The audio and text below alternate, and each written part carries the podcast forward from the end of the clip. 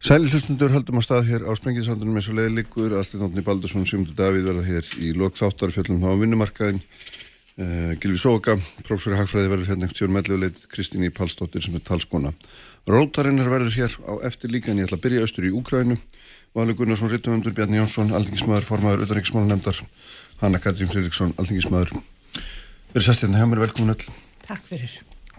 Uh, Bjarni, byrja á þér, þú ert Þú ert nýkomin úr Östurvegi, komst bara í nótt eftir hérna, mikil fundahöld þarna Östur í Úgrænum með fjölmörgum þingmönum, bæði uh, Vesturlanda og eins Úgrænir sjálfur og hérna er ekki tótin í mönnu sávar, þeir ætla að halda áfram að, að berjast út í það óandarlega, eða hvað?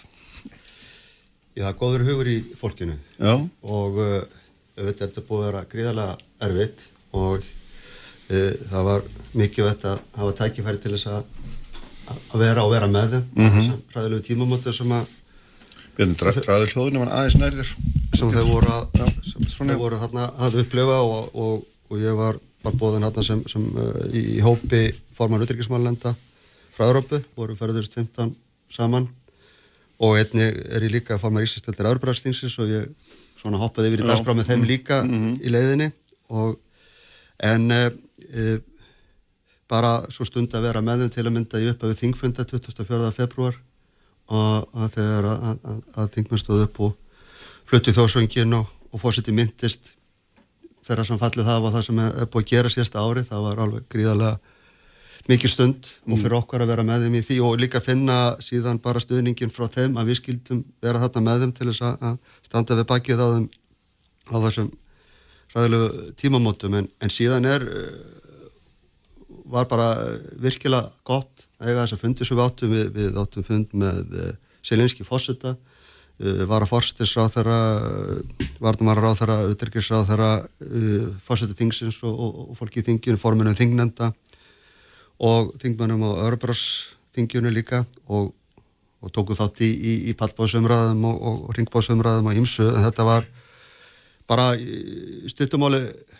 sagt, jó, þetta er ræðilegt að vera þarna ári eftir innrásina en, en uh, þau eru baratuglöð og þjóðin er saminuð mm. og, og það skiptir máli talveit það sem að, að Silinski er mjög heillandi í sínu málflutningi og og uh, allt þjóð veit og, og hann laði þarna áherslu og fundi líka með okkur hvaða skiptir miklu máli, jú við erum að fá þennan hernaðstunning, við þurfum að honum að halda en það sem hefur gefið okkur baratutrygg hjálpa þjóðin að lifa af það er það að finna hennar pólitiska stuðning bara þjóðþinga um alla Evrópu að þið standi með okkur að við séum hluti af Evrópu og við eigum, eigum okkur samílega framtíð þar og, og bara það að sjá þá eh, líka framtíð fyrir sér að skipti, skipti greiðilega máli líka fyrir, fyrir alla að bara gangi mm. gegn það sem eru að gera Hvað hérna sko Það sem er áhugavert núna er auðvitað, það er þessi, er þessi stöðningu Vesturlanda sem að þýðir það að þetta stríðar, það heldur bara áfram. Það getur ekkit annað gæst og þarna einhver þarf að fjármagna það, einhver þarf að framleiða upp í það og svo framvegs og svo framvegs. Við, bara, bara því þetta var tölvut rætt á þessu fundum og, og, og það kom alveg fram að þau leggja miklu áherslu það að þau þurfa að þetta ár verði greiðilega mikið og hvernig þeir reyður af þetta ár Selinski er að lýsa því yfir að hann ætla að hafa fullan sigur hvað sem það þýðir. Já, þau óttast það að ef, að, ef að það sé ekki orðið að ári liðinu þá fari ég að byrja einhverja þjóður sem hafa staðið með þeim að fara að horfa á plan B sem er eitthvað annað og eitthvað annað en þau vilja. Mm. og það óttast þau hvað mest. Hvað segir þú Hanna Katrín, hvernig Já, já, þetta er náttúrulega, það kannski má skiptis upp í, í þrendi fyrsta legin náttúrulega þessar hörmungar sem Íbor Úkrænu eh, búa við og, og, og við meðum alls ekki einhvern veginn vennjast fréttum þaðan. Um, hitt er síðan áhrifin á uh, Evrópu, öryggis og varnamál, þar sem við Íslendikar eigum náttúrulega gríðalega svona ekki þetta og svo bara heimsmyndin okkar, en svo er það þriðja sem er sko, he, viðbröð heimsins. Mm Uh, og nákvæmlega þetta sem þið eru að nefna að þetta dregst á langin og það maður sér núna hverja fréttaskýringunum fætur annari í blöðum Newsweek, Economist og öðrum sem sko er að sína kannanir að, að sko stuðningur við Úkrænu fyrir dvínandi utan Evrópu þar sem að uh, Söður Ameríku, Asi og Afríku þar sem menn hafa fyrst og fyrst áhyggjur af efnaðsstöðinni, sinna landa og eðlilega svo sem. Uh, og það er náttúrulega hættan ef þetta dregst á langin mm. að þá farið það að velta og það reynir náttúrulega ekki bara á sko fjáraslegan styrk uh, Evrópulanda og bandaríkina og bandamann á Ukrænu núna heldur líka svona samningstækna þau haldið og opnum samskipta línu við þessa, þessa heimsluta um, og, og einhvern veginn samtali verið útvuka þannig að þetta er ekki heimsmynd Evrópu eða hagsmunir Evrópu í húfi heldur, heldur víðara samfélags heimsins sko. Mm -hmm. Þetta er náttúrulega áskorunin en fyrir okkur á Íslandi og við kannski komum inn á það eftir, við erum að ræða þjóðarörkistefnuna í finginu morgun og og það er svona ákveðin hluti sem að ég hefði vilja sjá á minn flokkur aðeins öðruvísi en, en, hérna, en þetta er kannski stóra myndir sem, a, mm. sem að blasi við núna Hvað segir þú Valur, hvernig hérna þú reyndur maður þessum slóðum hvernig blasir þetta við þér heldur þetta bara áfram og, og hérna og svona þessi klopningur milli hvað maður segja milli rúsa og vestuveldarna bara ekst og úgræna heldur áfram að verða svona fórnalambi eða peð í þeirri barðum Ég veit ekki alveg hvort að þessi, það eru kannski fórnalmenguleiti, það eru kannski ekki beint peða því að þetta snýst alltaf um unnarsúsa í Úkrænu og, mm. og það er kannski emið það sem Putin er að veðja á er það að áhugi fólks á Vesturlöndum muni dvína mm. á endanum. Um, spurningin er alltaf líka hversu lengi áhugi rúsa muni halda. Ég held nú kannski að Úkrænumenn sjálfur sér nú kannski líklegast til þess að halda lengst út en, en, en að það stefnir allt í gríðarlegar vorsóknir uh, á næstunni uh, svo rúsneska verist mögulega þegar verið hafinn en, en það var ekki hægt að mæla hann með reglustíku og það mann ég ekki á korti heldur í alvörunni sko, mm. hún fer hægt að stað og úkrænamenn er að fá nýjar græur sem þeir eru að læra á og, hérna, og vera komnar í gagni í voru og þá veður líklega mikil sókn að þeirra hálfu og þá eftir að koma í ljós hvað gerist, ef þeim tekst að brjótast í gegn til dæmis til Asóháps og skera krímskaga af frá Rúslandi getur svo að vera alveg gríðarlega skakaföldin þeir getur líka gert að okkur menn keiri sér fasta sem er í gæst hinga til en, en ef að mm -hmm. þessi sókningni fjarar út þá kannski fara einhverju Ukræna hugsa sem svo að það verði að, að finna aðra lesna og svo heldur en heldur en hernaðlega Það um það að er endur henda krímskagan þá, þá svona alltaf vel í næstu setninga eftir það er nánast öðrug ávísun á það að rúsamunni beita þessu strategísku kjarnavapnum sínum. Þeir mun aldrei sætt þessu við það að, tapa krímskaðan vartur Já, ég veit ekki með kjarnavapnum en ég held að þessi sé rétt að þeir munu líklega ekki sætt þessi við það. Það er einhver von úkrænum manna er að ef að Putin missi krímskaðan þá muni hann falla eða þá muni þeir gefast upp. En ég held að sko fyrir mína parta er nóg að úkrænum menn endur heimti það sem að þeir hafa mist undan farið ár sem að, mm. að því að um, það er að ljóst að fólk innan Úkrænu og eins og landamæri voru fyrir árið síðan það er Úkrænumenn sem vilja vera Úkrænumenn og vilja ekki vera rúsar það er hans floknara í, í, í Krimska og, og í Donbass og hérna í, í betra heim þá myndu fólk bara kjósa um það hvort það vildi tilhera Rúslandi eða Úkrænu en, en um, það, já, það er líklega langt í að vera getið haldnar hérna hlutis og kostningar í því Já, auðvitað, hvað hva finnst þér Bjarni svona um þessa þessa heimsmynd sem er að dragast um vegna sem maður sér auðvitað með þeir sem að pæla mest í þessu er að, og er að fjalla um þetta svona ofnbæru vettvangi er mikið að tala um að, að heiminu sé aftur að fara í tvær fylkingar. Þetta heitastríð muni þróast áfram og geta aldrei orðað en, annað en kallstríð og úgrænumenn muni aldrei verða öryggir nema því aðeins að vestuveldin komi bara þar nánast upp að dyrum og bakki það upp í hverju sem verða kann inn í framtíðinu, menn þetta er svo mynd sem menn er að draga upp einhvers konar Ísraelsríki inn í inn í Európu. Já, sko vona að það verði ekki og, og að það verði aldrei samþitt leið að sækja sér land eða lendur með því að fara með stríðahöndur öðrum tjóðum og, mm -hmm. og komast upp með það. En, uh, Þannig að þú myndir segja að þið þurfti að endur heimta það sem búið er að ná með, með valdi. Sko það var náttúrulega alls konar umræður þarna og meira segja hjá þessu fólki sem ég hittum frá Ógræðinu, mér merkilegt að eins og var að fórstræður hún Olla Stefanisna mm -hmm. sagði að Ógræðina hefði breytt heiminu en er líka breytt sjálfur sér og auðvitað sá þannig rættu það að við þurftum að hafa veltað fyrir hvernig við vildum heimur að liti út að stríðu loknu þannig að fólk er mikið að velta þessu fyrir sér en líka sem bara í eurósku samiki þannig að þau eru bara þegar farin að og, og líta á sig sem bara hluta af Európu og, og hluta af, af sammeðleiri framtíð okkar þar. En, en hérna uh, var það til Krímja, það er svona mismunandi uh, hérna útlæðslu hvaða var það og meðal hans fenguð svo sem yfirferða því með, með fundið með vartumálur á þar og hans fólki sem get ekki farið með hér en, en, en það voru svona voru dregnar mjög myndir og uh, þannig að ég ætla kannski ekki að fara út í þá umræði núni í bíli en, en ef það verður búin að endur hendur önnu lönd og grímar orðin einangur þá verður mögulega orðin önnu staða þar. Einhvern nefndi ég eh, mögulega geta haft þar alltgæðagreislur síðar en hvað það vildi vera. En, en aðrir hefði bara endur henda endur henda þetta land. Þannig að það er svona þessi umræðu áttar að þróskast betur og, og en, en eins og ungarænum en tala nú þá vil ég endur henda uh, bara alltaf landsið þau telja En finnst þér vera, finnst þér, er einhver tótt heyrðu þú einhver tón, svona samningatón, einhver sáttatón eða er þetta bara, er þetta bara stálistál? Fannst þér þú skinnja einhverja hugmyndur um það að það væri hægt að setjast niður og leita eftir samtali? Ekki bíli, en, en ef það klikka slíkt verið gerast ekkert tíupunktu þá gerist það vantilega bara mjög hratt og og allt í einu en, en það sem að líka fólk hefur ágjör af og, og ég sé svolítið umfyllunum hérna núna og það sem, sem að Selinski var að nefna hérna þegar efnahagur Úslands hefur bara dreist saman um 2-3% þrátt fyrir allar viðskiptafungarnir slíkt meðan að efnahagur Úkarinn hefur dreist saman um 30% mm. að þá, þá verði eitthvað meira að gerast og þess vegna rættan á fundinu með okkur og, og ég heyrði hann kom með það líka á bladmannafundi daginn eftir að, að hann vildi fara að ná meira til annara þjóða heims og ég vil halda leittóðafund það sem verður með Afrikuríki og fleiri með sem raunlega eru bara halda bara áfram bara business as usual í viðskiptum í Rúsland og slíkt að nú sé komið að að reyna að breyka þetta enn frekar.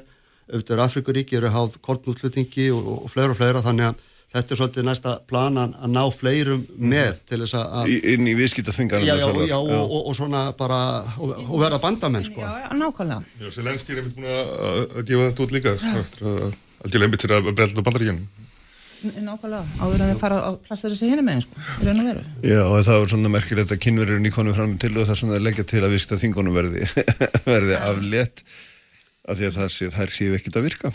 Það hafi bara engin áhrif og skiptingum móli og hérna séu bara þert á móti fallna til þess að hella ólíu öld Selinski svaraði ekki bent spötingu var þetta í Kína sem við bentum til þess. Heldur reynilega bara, já, hann bara vonast til þess að geta átt gott samtal við kynverja og vildi hitta leitva Kína og, og fara yfir málið með honum þannig að hann svona gaf ekki mér út af það í bili. Þannig að Viðskiptingarnir eru auðvitað að hafa áhrif. Það er uh, margt flóknar að bara örgjörfa sem rússar þurfa í vopn eins og skriðdreik á hlugular mm -hmm. þeir þurfa að flytja inn sko, fá kasaka til að flytja inn þvóttavillar útrúndingu þvóttavillar til Kasastan höfnast í tvöfaldast og síðan skrúa þeir, selta þeir þvóttavillar áhrundur Rússland og síðan skrúa þeir sundur og taka örgjörfuna úr. Þetta er hljóman og bara eins og gamla KGB-haggerfi sem var svo alltaf flytt inn eftir krókulegðin Jú, jú, en það, en það er svona það er takmarkara, það, hérna, það er alltaf glæpir en það er ekki að ekki vera lög. En já, hérna kínverðin alltaf eru bæði í snúnistöðu og, en samt óttastöðu, þeir vilja fyrst og fremst frið, þeir vilja stríðinu ljúki. Þeir eru businessmenn og stríðir ekki gott fyrir business en hérna, en þeir vilja hins vegar valla að horfa upp á algjört hrun meðal rúsa, eða meðal rúsneska hersins, þannig að þeir hérna já, eru þeir eru að líka í stöðu til að geta þingað framfrið einhvern leiti eða vilja mm -hmm. því ef að þeir loka líka á rúsa þá náttúrulega er ég fá stjóla að venda fyrir Putin en þeir ganga nú kannski það langt en þeir geta allan að hóta því þeir gætu líka sem er alltaf söguleg mörg söguleg fordæmi fyrir ef að ef rúsneski hérnir fyrir virkilega að láta undan síga að, að kýmverjar að fara þá að senda þeim voplis að, að hérna að ítundi þá og þá, þá getur þetta haldið áfram endalust Mikið orðrumur í gangi og þessi að því nú þegar baku tjöldin sko.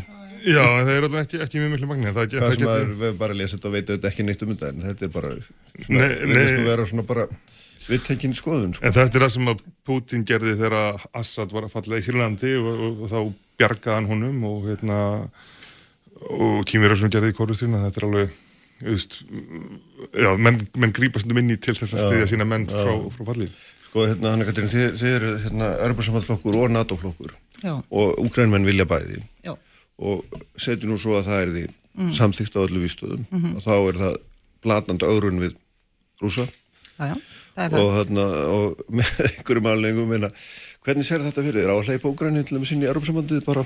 Mun tala um að ég hefja aldrei verið bara þessu ári. Já, mér finnst það allavega að það sverði að skoða það, ég held að það sé bara mjög mikilvægt og, og, og öðrum í rússa, ég menna þeir eru nokkulega að hafa sér eins og þeir eru að gera núna vegna þess að við höfum verið að passa okkur að öðru ekki rússum frá því að Putin kemst í valda í raun og veru, þannig ég, ég veit það ekki, mér, mér finnst það ekki vera það sem er það hættulegast í dag, en sko, ég held að aftur, við erum að einhvern veginn að klást við þetta málefn á svo mörgum vikstöðum og ef við komum aðeins aftur á Evrópu við sátum til dæmis Norrlandra á þar sem ég sitt í fórsættisnænd vorum að haustun síðastlið haust þar sem við böðum hingað fulltrúum frá, frá Úkrænu, stjórnar anstæðingum frá Kvítarúsland, Rúslandi landflótta fjölmjölafólki Rúslandi og rússatni tölu allra einn veg að þetta snýst ekki bara um Putin þetta snýst um innviði Rúslands og uppbygginguna þar og, og við sjáum það náttúrulega líka hversu mm. auðvelt að er virðist vera fyrir Pútina að fylla þjóð sína af, af raungum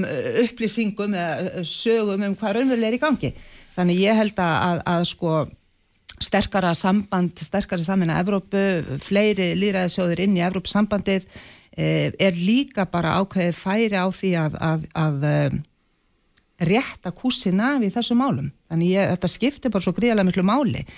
Maður líka verður svo áþrjáfanlega var við það þegar maður talar persónulega við fulltrúa landa sem eiga þarna búa nálagt, hvað þau eru skjelvingulosti, maður sér það á fjárhastlega aðstóri Eistrasaldsríkina sem eru að borga svo langt um langt um langt um meira mm -hmm. hlutvarslega en aðra þjóðir af því þau eru bara berjastur í lífi sínu með þessum uh, með þessari aðstóð Ég er að fara í næstu viku til Brussel þar sem að Norrlanda fulltrúa Norðalandaráðs og eh, þingbannendar Eistrasælsríkjana er að funda.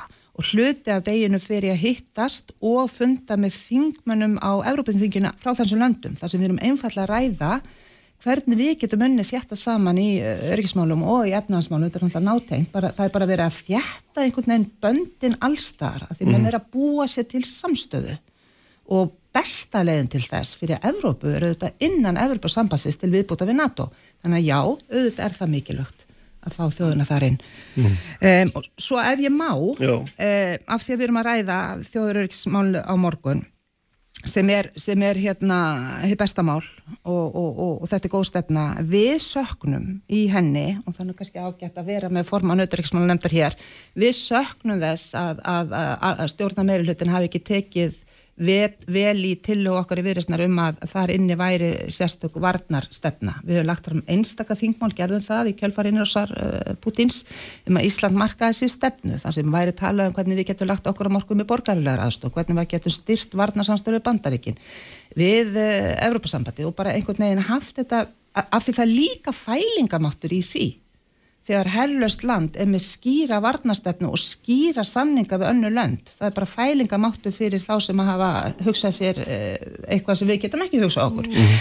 um, og, og, og þetta er sérstaklega breytinga til þess að við erum með við þessari við þjóðurörgistefnunni og, og satt best að segja erum við svo litið hissa á að hún skul ekki fara dýbra ofan í þetta og mögulega er það samsetning ríkistjónarinnar um, ég skal ekki segja en, en, en, en allavega þá, þá er kýrskipti mínum huga og okkar að við þurfum að negla niður betur vega og meta hagsmunu okkar í þessu. Allt frá því, mm -hmm. við verðum hersaftringa eða ætlum að gera þetta einhvern veginn öðru sér en ekki bara býða og sjá, vegna þess að við höfum séð hvað hlutinni geta eh, gest frætt, allt og frætt Björn, viltu bregðast það sem við þessum? Ég held að við ræðum nú bara eh, heldum áfram umræðafni dagsins og það sem hér var nefnt verður kannski rætt á, verður rætt á, rætt á morgun en, en hérna ég er allavega að huga við bara bara þessa daga sem ég er búin að eiga í Úgrænu og er að koma út úr því ástandi sem þar var og ég, já ég sé fyrir að auki samstarf öðruburíkja og, og við mótum er fyrir eitthvað samílega framtíð okkar og uh, látum ekki aðra um það.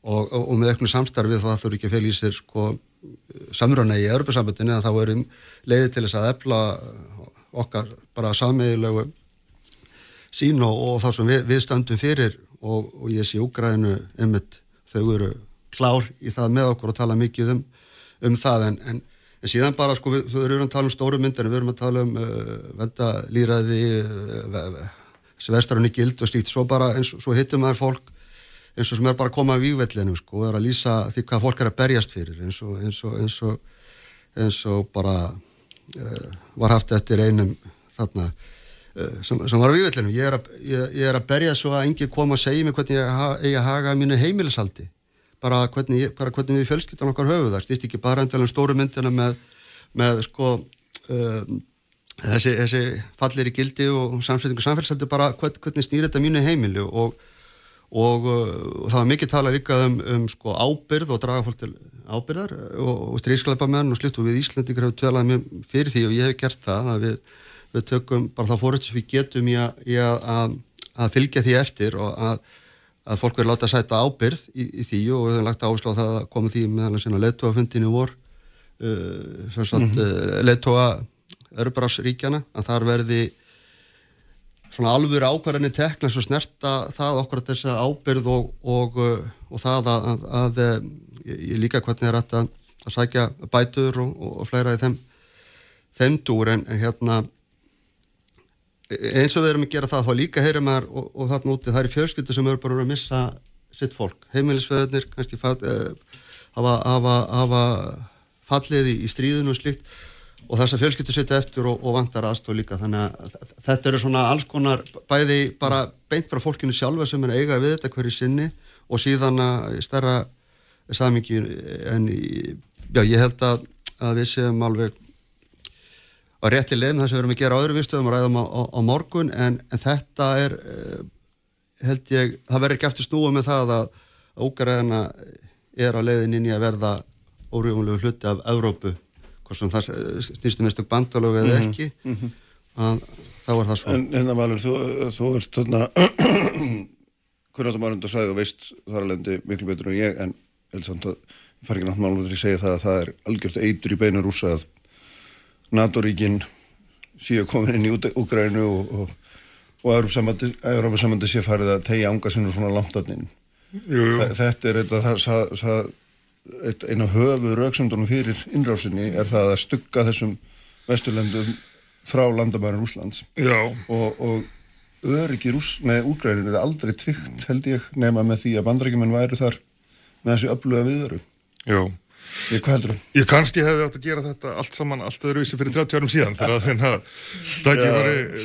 það ekki var í gaf sko og ég beðlega að þú veist þegar við erum að taka Úsland og Ukrænin í Európa og NATO þá sem eru þetta óvísandi í dag en hérna, jú, en rúsum svona stændir stuggur á NATO sögulum ástæðum en, en hver er niðurstaðan? Hún er svo að Finnland og Svíþjóð er að gangi í NATO sem það annars ekki gert. Úkræna mögulega líka og hérna í Európa sambandi þannig að uh, rússar hafa bara fyrirgert rétti sínum til þess að, að ráðskast með nákvæmna sína eftir að sínt bæði þess að miklu grimd og líka bara þetta mikla getuleysi til þess sko, mm. þannig að algjörlega, þetta er, já, Putin er að fá allt öðut við það sem hann mættilega hefði allir sem er, þannig að hann er ekki að hafa neitt upp þannig að það og það var líka heldur ekki vann með það sko að það var ekki bandaríkinn sem voru að sækjast eftir að stækka NATO til austur því þetta er bara kostnæðar og ábyrg fyrir þá en þá mm. voru Eistasaltsríkin og Póland og öll ríki mjög östri Örbu sem að sótist að ganga inn í NATO af ástæðum sem núna eru ljósar að það hérna ótt að það rússar myndi gera eitthvað slíkt og, mm. og þú veist auðvitað náttúrulega kallar alltaf viðbröðan en, en, en rússar bara gengur miklu lengra heldur en nokkurn orðað fyrir og þá, hérna, já, það svona með að heldur, heldur reyka nákvæmlega ekki að það. Nei, þannig að þú myndir bara, uh, þú myndir hérna sem er eftir að blása á þennan þennan veruleika og hérna og stilla sér bara upp hérna.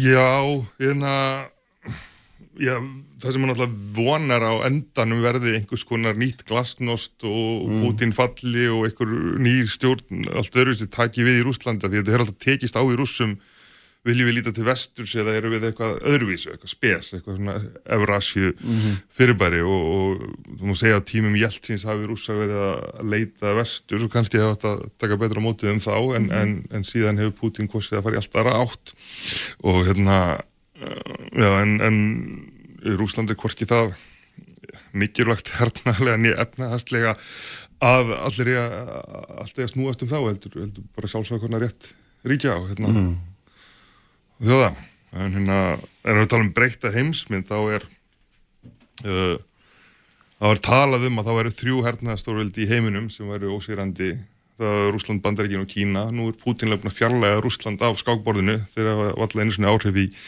sínum eigin bakgarði í mið-Assíu ekki eins og Arið eða Kaukasus og hérna og þá er þetta tvö Kína og Bandaríkin og hérna bæti náttúrulega gammal svona kaldastri skall, hann lítur svolítið á þessu líðræðstöður versus einaræðstöðum ég kannski væri sniður að fremnalist í Kína meira til þess að þeir beiti áhrifum sínum mm -hmm. á mhm. rúsa en uh, það sem hefur aftur að vera svona óhjákvæmulega breyting 2001. aldar að Bandaríkin myndu nýga og Kína að rýsa það þetta verið svona heldur verið að sko að tefjast að minnstakosti að því að hérna Ég bandir ekki náttúrulega einfallega sínt að þeir eru með langbestu vopnin. Þegar ég kom til Ukrænu í júni þá voru rússar að sækja fram í Donbass og, allir svona bömmur yfir því en síðan setja bandir ekki 16 hæmarspíla og það mm bara stoppar allan rúsneska herrin og við leitum tilbaka og ég sé hæmarsflög fljúi yfir í spila bara einn, ég veit bara einn, það er hitt alltaf. Það er bara breytur að taka og, oh. og þá fer það sem miðar á.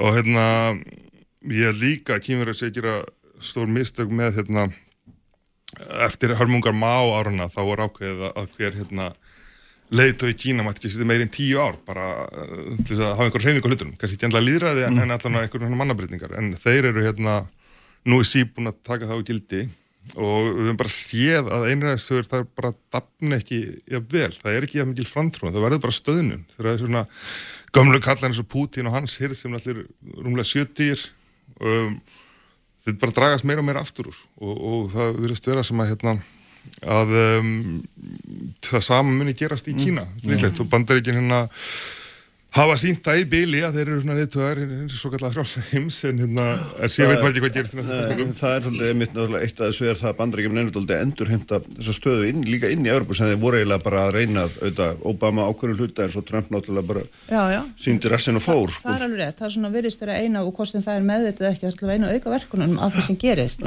aðeins að þú varst að tala um Kína sko að það er líka mjög áhugverð að sjá að meðan þessar efnaðastrengingar í Evrópu, í bandaríkunum meðal annars vegna innrásar Putins þá er Kína ekki á flegi ferð upp sko það, það, það hefði getað reynst vísna erfitt, mm -hmm. hefði það verið svo en það er líka hérna, erfiðleika þar og það er síðan setni tíma mála að skoða það á hvernig stendur á því að, að þessi þetta er hérna hvers, hversi litið er sko Já. en hérna ég misti þröðin Sundarsmorgun, nei það var klára því hann spurði mig. Að... ég, var, nei, ég var velta fyrir mig bandaríkjunum. Þau kemur aftur inn í Európa og hafa gert það heila úrsálrótt sko, eða nei, hérna. Það hefur gert orðið já, með þessu já, já. Og, og er náttúrulega, hérna, var sannlega komið tími til aftur og það er nú eitt sem er ansið sláandi að, að bera sama ræðurnar, Pútins og Bidens í, í núna í, í tilefni mm. þessara e, e, hérna, árs, árs afmælis innrásarinnar, ef svo má segja, það syndi manni bara svart og hvítu, þetta var svona ákveðin flashback aftur í einhver ára tíu, emmitt í kaldastrýstist, mm. það sem er svona ránkhugmyndir og einhverjur óðbóslegar, e, hérna, skíamyndar um eigið ágæti og, og, og hvað allt annað er ræðilegt sko yfir í þetta hérna með líðræðið og mannrettindin og, og hvernig við ætlum að ná okkur á stað. Og svo fylgja nú kjálfari fréttar af því að bætins í íhuga bjóða sér fram aftur til fórseta en ég veit ekki alveg talandu um leið sem eru konur þetta er, hérna, sem eru konur öfri ári já, já, þetta er áhrifat en ég held það að, að bæði Evrópa og, og hérna ég veit það innan Evrópa sambandsins er náttúrulega gríðarlega ánæg með það að það skulle vera komin aftur þessi bandamöður og þeir bandaríkja menn sem að annar bara hugsa um þessi máli eru það líka og mm. þetta sýnir bara uh, sem betur fyrr var sagans millir þessara sterku bandamennar svo sterk að einhver erfið ár duð ekki til að slíta á milli. Þar, hérna, og vonandi passa mennsi í framtíðin á því að, að taka þessu ekki sér gefnu, það þarf að vinna í svona samstæð mm. Bjarni, þannig eru margir púntar sem að snerta auðaríkistefnu FG NATO, stækkun NATO, stækkun Európa-sandinsins, meiri um svip amdaríkjamannin í Európa og svo framvegis.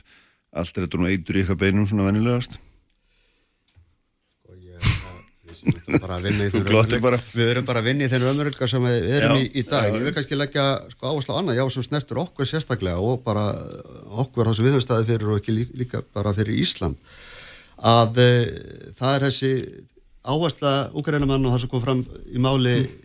Silinski með okkur e, sem, á fundi okkar að þessi áhersla á að við viljum verja okkar fullveldi við viljum velja okkar rétt sem sjálfstæra þjóðar til að taka ákvarðanir í, um eigin framtíð.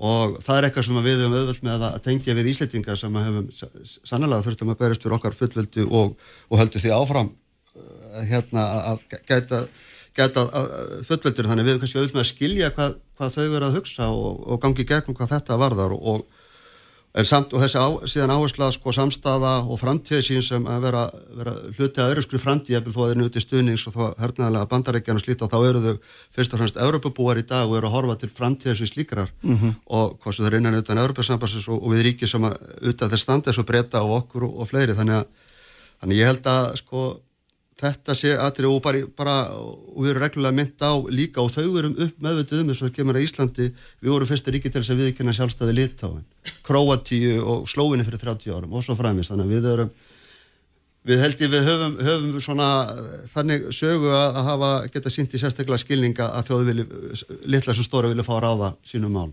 Já, hérna við þurfum að fara að láta þess að geta spjalli lókið en hérna bara svona rétt í lógin, bara á ykkur all sitjum við hérna aftur eftir eitt ár og tölum um svipaða hluti eða hvað haldið þið? Ég hrættum það. Þú er trændið það? Þú veist ekki endilega akkurat það sem er átökinn sem eru núna, nei, nei. Ekki, þau verður ekki, ekki lokið þessari yfiráð, baráttum yfiráð, hugmyndafræðileg yfiráð og landi yfiráð.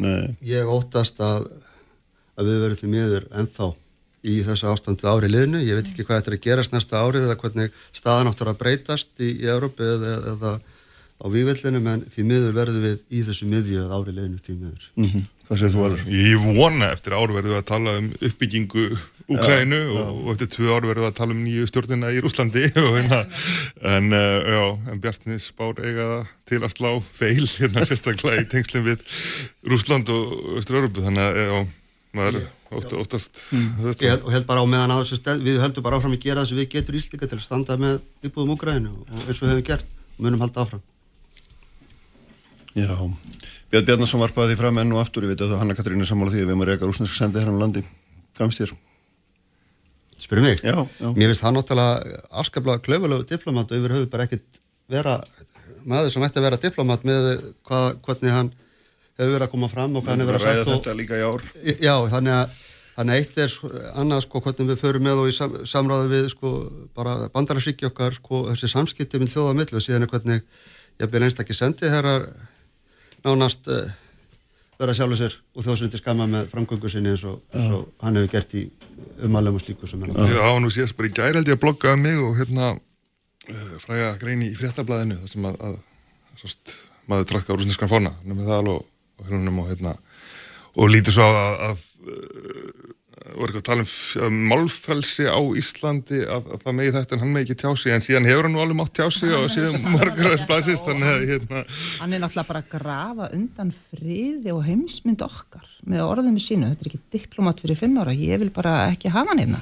Og ætla bara að leiða mig það að taka helsugar undir það sem Björn Bjarnason hefur skrifað um þetta mál. Ég, þetta, það, þú veist, ég átta mig alveg á því að það er einhver viðkvæmnið þarna. Við, það, það, maður ger ekki svona fyrir það full reynd en mér þykir bara verið að koma að þeim punkti En ég held að það er erfitt að taka hann mm. alvarlega og það er kannski ágætt bara að hafa putinismann svona dræð þannig að fólk sjáu hvað það er svona íslenskir samsærskenningar sinnar Það er sjónum út af fyrir sig Þannig að það segja komið þetta er eftir lógin Nei, ég, bara, ég segi við, sko, eitt er þá hvað við, og við tökum okkar ákvarðin samsöðu í samræðu við okkar bandalagstöðu, sko, þegar kemur að, mm -hmm. að slíku og annaði það, það að vera bara með svona óhæfan diplomatíjar á, á landi sem stendur fyrir þetta ríki og er ekki að hjálpa neinu. Nei, nákvæmlega. Herðum. Ég kom ekki lengra en kollegarnas e, e, e, á Norðurlundu, sko. Góð mál, hérna, bestu þakki fyrir þetta frólitt spjall, Kristín Ípálsdóttir verður hérna frá mér hjá mér eftir uh, talskona Rótarinnar. Sæli aftur hlustundur, uh, höldum áfram hér á Spengisandinu, uh, þau eru fann frá mér Hanna Katrín Fridriksson, uh, Bjarni Jónsson og Valur Gunnarsson. Fjöldum þar um Úgræni, þeir verða hér í lokþáttar Aslindóndi Baldursson, Sigmundur Davíð Gunnlaugsson, svo verður hér Gilvi Sóega, professor í Hagfræði, en sestir hjá mér Kristín Ípálsdóttir sem er frangandastjóri á talskona Rótarinnar, Sæla Blessur Kristín, velkomin. Þakka fyrir það. Uh, Rótin er eins og nafni vendi til kannski svona græsrótarfélag upphæðlega mistu úrstíð sem það hérna stiður við stiður við verkefni uh, þegar sem á að bæta hag heimilislausra, þeirra sem eru íllasettir í samfélaginu Já. að fík meðal annars og, og þú hefur verið þessum álflokki lengi og, og hérna er svona forðnilegt að aðeins að hérna, taka húsaður vegna þess að eh, nú, nú bý ég hérna í lögadalunum sem er ljósturinn upp og það hefur verið að reysa hús fyrir heimilisleisa í miðjumdalunum og þetta hefur verið gríðal umdilt og svona hérna og, og sínum hann er enn og, enn og aftur fram á það hvað svona sjálfsög aðstöfi fólk sem að á ekki neitt og, og þarf bjargir annara uh, er umdelt Já. og hvað er heitt kartabla og náttúrulega ekki tala sjálfur allan tíman en, hvað er margir sem vilja bara alls ekki hafa hana í bakarnu hjá sjálfum sér þó þeir skinni mikilvæg að hún sé, sé einhverstað fyrir hendi. Emitt og, og hérna, þetta er allt satt og rétt að, að hérna að uh, fólk uh, vill að við gerum eitthvað en ekki, sagt, að það sé ekki og nálat sér. Það, það, þetta er bara almennt vandamál. Og, og í hvers gett sem að ásetja niður uh, þjónustu við þennan hóp eða, eða gæðfjalla það er bara allavega þjó, svona þjónusta við veikvæma hópa sem að, sem að að fólk vil bara greinilega ekkert hafa í sínu hverfi mm. og hérna uh, og þetta er náttúrulega kannski uh, sko uh, það eru mikla fordómarka hvert þessum hópi og hérna þetta er mjög svona brennimertur hópur og, og hérna og það spilar þarna inn í svo er líka kannski það að Við erum kannski svolítið að feta okkur fyrst skrefin í þessari skadamingu nálgun hérna á Íslandi mm. og, og hérna og það það er ekki fyrir enn 2019 sem að Reykjavíkuborg setur sér setur þessa stefnu sem sagt bara markar þessa stefnu hjá borginni. Mm. borgin er með skadamingandi stefnu sem að þýðir að, að, að borgin er ekki lengur að vinna því að koma öllum í meðferð heldur að vinna með fólki sem er uh, þar sem það er statt. Og þetta er náttúrulega bara gaggreind viðurkend aðferð sem að mm. hefur verið ríkjandi í mörgum Evrópulöndum í 20 ár, við erum mjög sein þarna, við erum aftarlega á merinni og, og hlutaskaðangvöndstefnu það er náttúrulega þessi húsnæðistáttur og, og, og viðurkenninga á því að það eru bara ekki allir að fara að hætta að nota výmefni og líka það að, að þú ert kannski ekkert í rosalega góðum aðstæðum til að hætta að nota výmærnu þegar þú hefur ekkert öryggi í þínu lífi, mm. ekkert húsnæði og, og engar aðstæður sem að, að, að tryggja það að... Þannig að þetta þá myndi vera einhvers konar hugmyndum það að búa til forsendunar áður en að hérna farið í sjálfa meðferðina. Já, já, eða það er ekkert allir að fara að hætta að nota výmærnu, það er líka það sem við þurfum að horfast í augu við en við þurfum náttúrulega bara aðalega þessi fjölbreyttu úrræði mm. þar sem að fólk getur ákveð að hætta notkum ímefna en þessi hópur sem að er, er e, sko mjög stór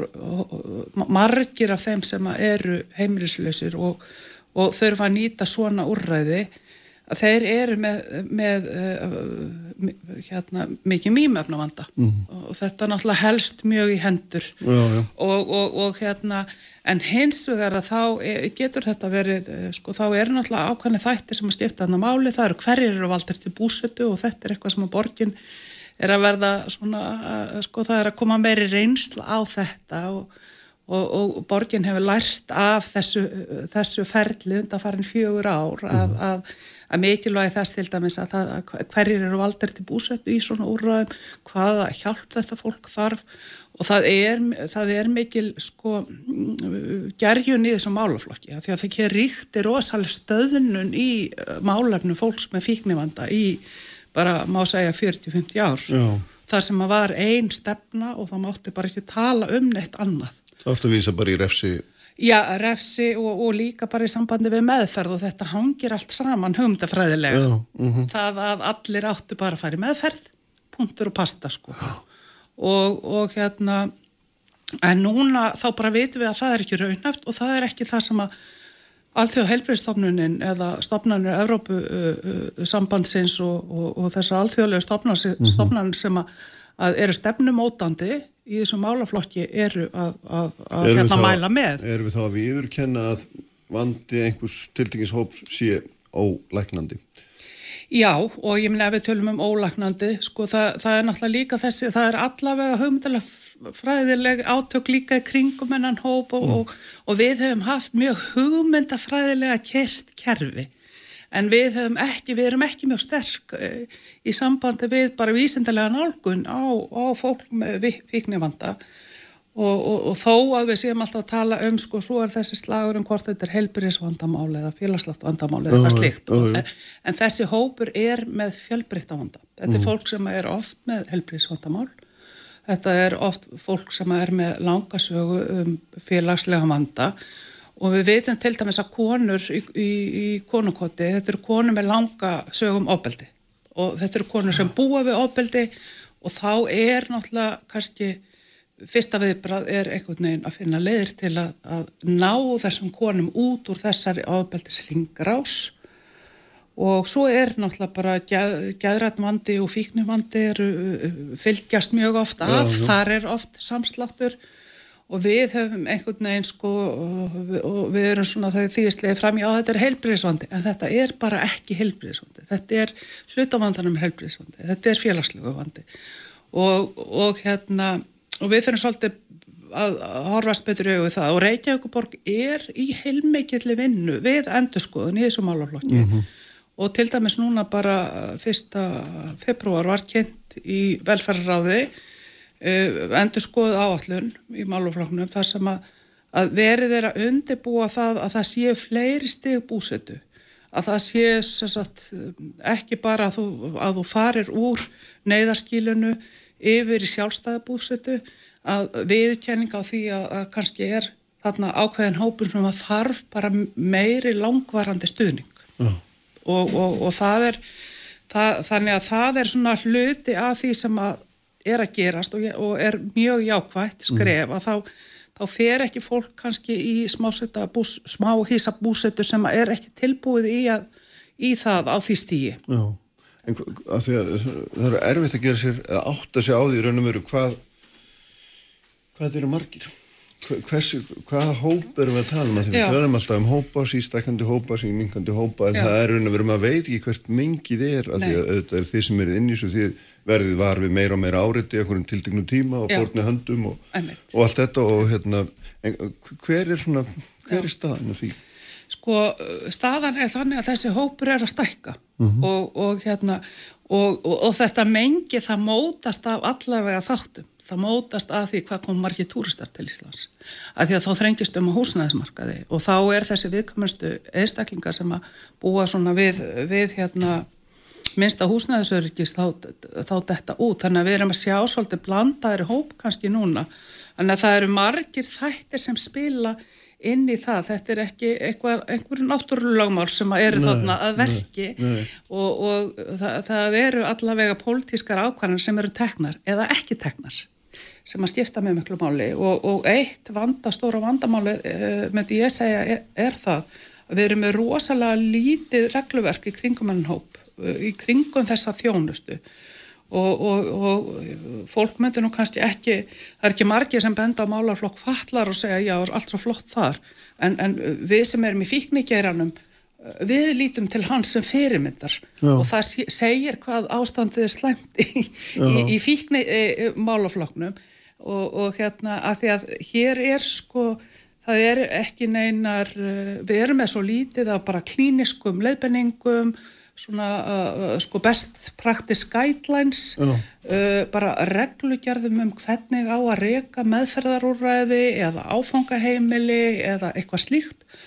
Og, og, og þetta er bara algjört viltavestur Já eins og var allir með setni í vatnagörðun þar sem brunni var að þá komum til ljósa að þetta var þetta bara eitthvað velja fólk sem aðeins sko til skjólshúsi við það sem ekkit annað gáttu farið, menn að það var engin, engin hérna, voru engin fræði á bakvið Nei, og, og sko... Og það getur hver sem er sett upp já. áfangaheimili eftir því sem að manni skildist á, á umræðu í kjölfarið. Og fíknu meðferð þess vegna. Það já. er til dæmis ekki neina reglur um það að, að þeir sem að, uh, standa fyrir fíknu úrræðum og fíknu meðferð séu með uh, starfslegi frá landlækni eða eða neinar, eh, sko, ríkið hefur ekki mótað sér neina stefnum það. Nei. og, og áfangaheimli það getur hver sem er sett að og, og, hérna, og við erum búin að gaggreina þetta frá byrjun, ég var nú að skoða aðeins og ég sé að svona fyrstu Þetta er bara sama hugmyndufræð og var þegar fólk var sendt bara í sveit. Já. Er það ekki, er það ekki bara í grunninn eiginlega bara Jú, það, það er bara, sko,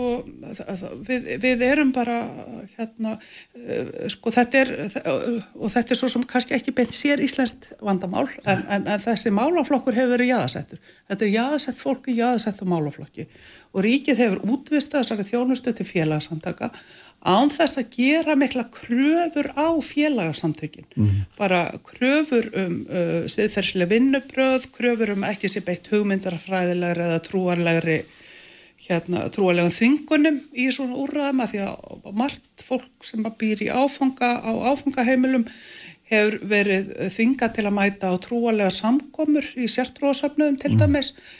Uh, sko ríkið þarf náttúrulega bara að setja reglur um það. Hvað vil ríkið, hvað er áfangaheimili og hvað þarf að vera þar og hvernig á að tryggja öryggi uh, þess fólks sem hefur minnst öryggi heiminum og er mjög útsett fyrir allavega valdbendingu, bæði líkamlegri, humundafræðilegri og allt mögulegt. Og við þekkjum náttúrulega svo mörg dæmi úr sögunni um það. Og, og bara svona til, að, til marg sem um þetta þá er nýkomin út skísla um varpolt meðferð barna. Já. og þá sér maður að fram til 2007 að þá er eitthvað fólk sem er ekki með neina mentun og sviði sálafræði, félagsráttjafar eða neittuna í neinum slíkum mm -hmm. neins konar umönnunar. Neins konar umönnunar sem er að reyka úrræði fyrir, fyrir börn. Og með bara einhverjum aðferðum sko, til 2007 og, og bara þanga til held í 2021 og þá var ekki eins og krafa um það að fólk væri með há, háskólapróf eða neitt íslingum fögur sem var að reka þessi heimili mm. fyrir sko góður vilji var allt sem þarf já, góður vilji og, og þetta er, við, eins og ég segja, við erum bara svona þekkingalega þá erum við bara ekki á góðum stað mm. og eini aðilinn sem að í stjórnsýslunni og þegar ég vil, við, við náttúrulega erum alltaf beina okkar gaggrina stjórnsýslunni ekki fólk út í bæ sem að sko gerir eitthvað í skjóli regluleysis. Mm -hmm. Það er kannski, sko ríki verður bara að axla ábyrð. Borgin hefur gjört það undan vann ár. Þau, þau, þau hafa sett sér mhm. núttímalega stefnu mm -hmm. og, og er að vinna henni og fólki finnst það náttúrulega kannski ekki ganga nógu rætt og, og allavega. En það er heilmikil uh, vinna þar í gangi.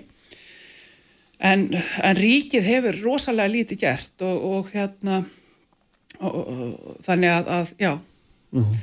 En að þú talar alltaf um borginu og þú ert að, ert að vinna einhvern veginn inn að þess kervis eða minnst að því náðum tengstum við það? Já, við erum bara með samning við rekum kólupott Já, einmitt sem að borgin fjármagnar að minnst að kosti ekki? Og við höfum að marguleiti verið ána með viðbröð mm. sko, og við náttúrulega bara vinnum þannig að við höfum sendt, til dæmi sendum borginni bara greinargerðum hvað við, hvaða úrbætur við heldum að þyrsti í málafloknum varðandi konur. Þegar við honum búin að rekka mm -hmm. konu kvoti í halda ár og, og tóku við saman svolítið ítalega greinargerðin það og, og, og áður höfum við bara, við höfum þrýsta borgina til dæmis að horfa konurna sérstaklega og, og, og, og það er mikil vilji finnum við fyrir því að, að, að taka marka þessu og þessi greinagerð okkar hefur verið nýtt í þessa vinnu sem nú fer fram í að greina það hvernig næstu skrefur það. En nú er náttúrulega, erum við búin við í borgi og það er rétt en við erum líka á ristóru svæði sem er höfuborgarsvæði. Er mikill munur á borginni og er mikill munur á því að vera borgarbúi og ekki? Já, það er náttúrulega sko borginn Uh, og, og ég skil það vel hvartar mjög mikið yfir því að vera einn að mm. sinna þessum máluflokki og, og, og ég er algjörlega, tek algjörlega undir það að aðra verðast algjörlega hafa vikið sér undan ábyrð og þessi máluflokkur algjörlega á, á hérna verðst falla algjörlega á höfuborgina og þetta er náttúrulega eitthvað sem lítur að þurfa að laga og það er líka eitt af því sem ég veit að borgin er að vinna í að mm. reyna að koma á meiri samfunnu á meðal sveitafélagana hérna ja. sko og ég held að það hljóti bara að það er algjörst sangverðnismál og hlítu bara að, að, að gangi gegn á næstu árum að það verði einhvers konar, ég veit ekki samlaga eða hva, hva, hvernig það verður sko að, að það sé það sé unni saman mm. í, í því að sko það sé hinn sveitafélagin get ekki vikið sér svona algjörlega undan Já En er, er, er hérna annað því að svona aðeins skynjaðamáliðinu, er, er mikill munur eins og hlægilegt eða astnægilegt og það er, er mikill munur með að kalla á hverna sem að ekkert eiga? Já. Er konur í miklu verri stöðu þar? Já, það, já, það er það, sko Já, það er náttúrulega, já, þú spurðum um stærð hópsins Já. og ég svaraði því nú kannski, en, en Nei, þetta eru, yfirleitt er þetta, þetta er um hundra konur sem er að koma í konukott. Og það eru held ég um, uh, sko, hvort að kallanir eru uh, 200. Þannig að þetta er yfirleitt þetta hlutfall. En það er almennt talið sko að það sé faldara heimilsleisa hvenna. Þeir, Mm. þær eru kannski búa við einhverja mjög ótryggar aðstæður sem að, eða í ábeltsaðstæðum eða En eitthvað. þess, þessar hundra konur eru bókstælega á götunni. Já, allavega svona- hluta ársins sko, það er, þetta eru um 3000 gistinætur, uh, já, voru rúmlega 3000 gistinætur árið 2021 og þeim fjölgaði mjög mikið í fyrra. En hérna, byrju fyrir því að þú varst að spyrja um, Já, ég var að spyrja bara munin. hvort að... já, það, og svo eru bara allavega þættir, það er náttúrulega bara til dæmis ábeldisreynsla hvenna, ábeldisreynsla þeirra hefur algríðal áhrif á bæði hvernig þeir fara inn í uh, heimilisleysi og líka hafa þeir áhrif á hversu erfitt það er að komast út úr því mm. og, og þar er náttúrulega bara stæsti þátturinn er, uh, er ábeldi nánum samböndum. Það er þessar konur eiga eiginlega allar sammeilagt að hafa uh, eiga sögum ábeldi nánum samböndum og bara ofbeldsugu frá æsku. Og hérna þannig að, að, að, að það er uh, það er til dæmis einn munur og svo, svo er eru þær, þær eru uh, líka veikari heilsufarslega svona líka eða sem sagt bara og enda hefur ofbeldi mikil áhrif á heil, heilsufar. Þannig að það eru, það eru bara við þurfum náttúrulega að hafa þennan kynja fókus á uh, málaflokknum til að gera þjónustuna betri fyrir alla uh, hverskinn sem þeir eru. Og hérna uh, þannig að það er heil, heilmikill uh, munur þannig sem að bara er, er líka hluta af þessari þekkingu sem þarf að nýta í málaflokknum. Sko, mér langar aðeins að kannski, hérna, bara svona rétt til að loka að förum aftur í upphafið, sko, hérna, þessi, þessi, þetta, þetta búsutu úrræði sem að smáhísin eru. Og, og, hérna, og það eru mikið rætt með henni lögadalum því ég þekki það mjög vel að, hérna, börnin þurfa að fara þetta fram og fólk er ólega hnygslað því og, hérna, og svo framvegis.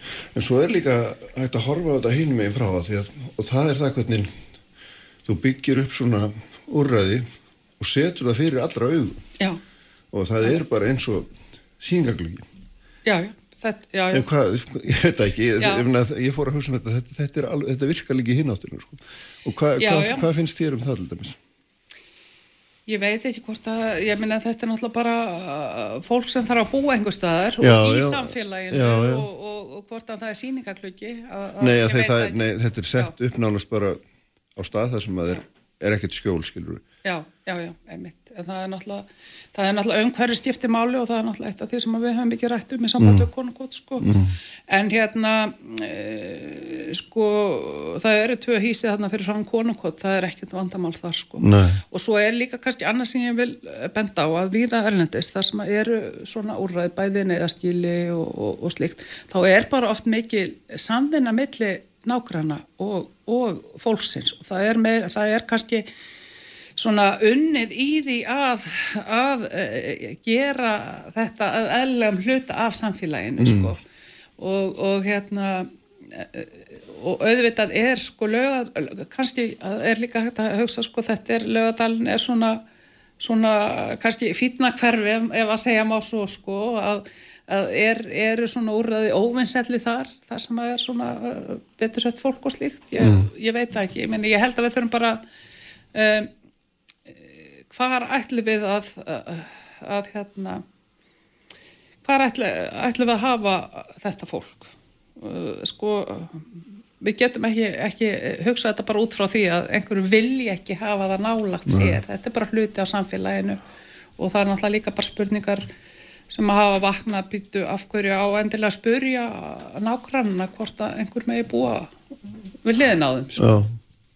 En, en hérna auðvitað er þetta, þetta er hérna, e, það þarf bara að vanda sig og, og eins og ég segi, ég held að Reykjavík borg e, hafi e, lært af, af því sem að hefur verið við erum í rauninni á þessu bara innleiðingastíi á þessari nálgun og, og bara það er verið að læra af þessu ferli og, og hérna, já.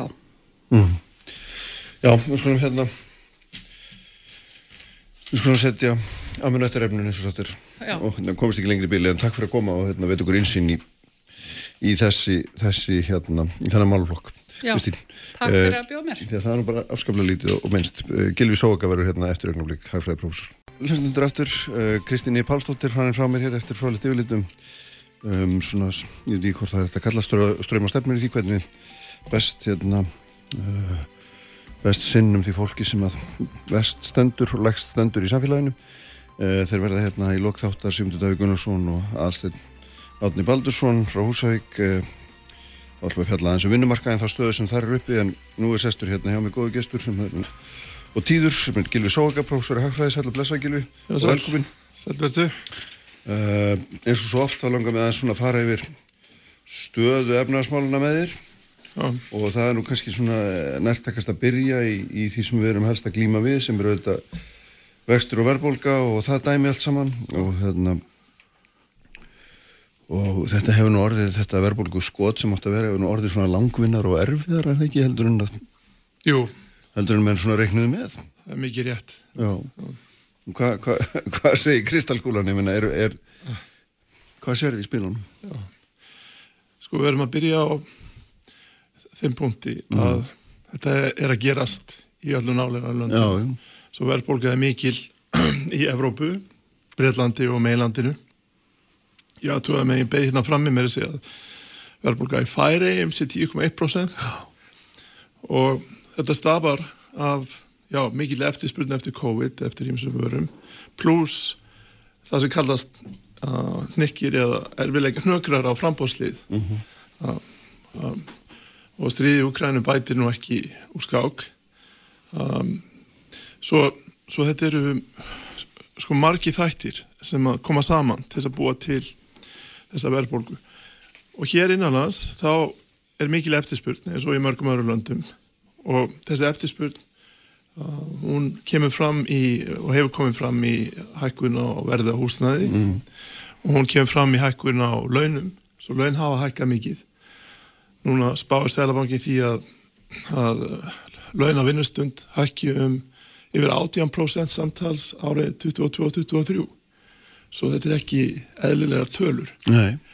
Svo þessi tveir þættir sem eru hérna innanlega það, það eru fasteignir og vinnuafl er að hækka mjög rætt sem bendir til mikillar einlendrar eftirspurnar sem bætir svona á innfluttu verðbólguna. Um, og þessi einlenda eftirspurn skapar verðbólgu með því að hækka verða húsnæði. Herra verða húsnæði þýðir meiri framkvæmdir og meira, meiri eftirspurn eftir vinnuafli. Og kemur fram í viðskiptahalla þess að innflutningurinn sé meiri en útflutningurinn.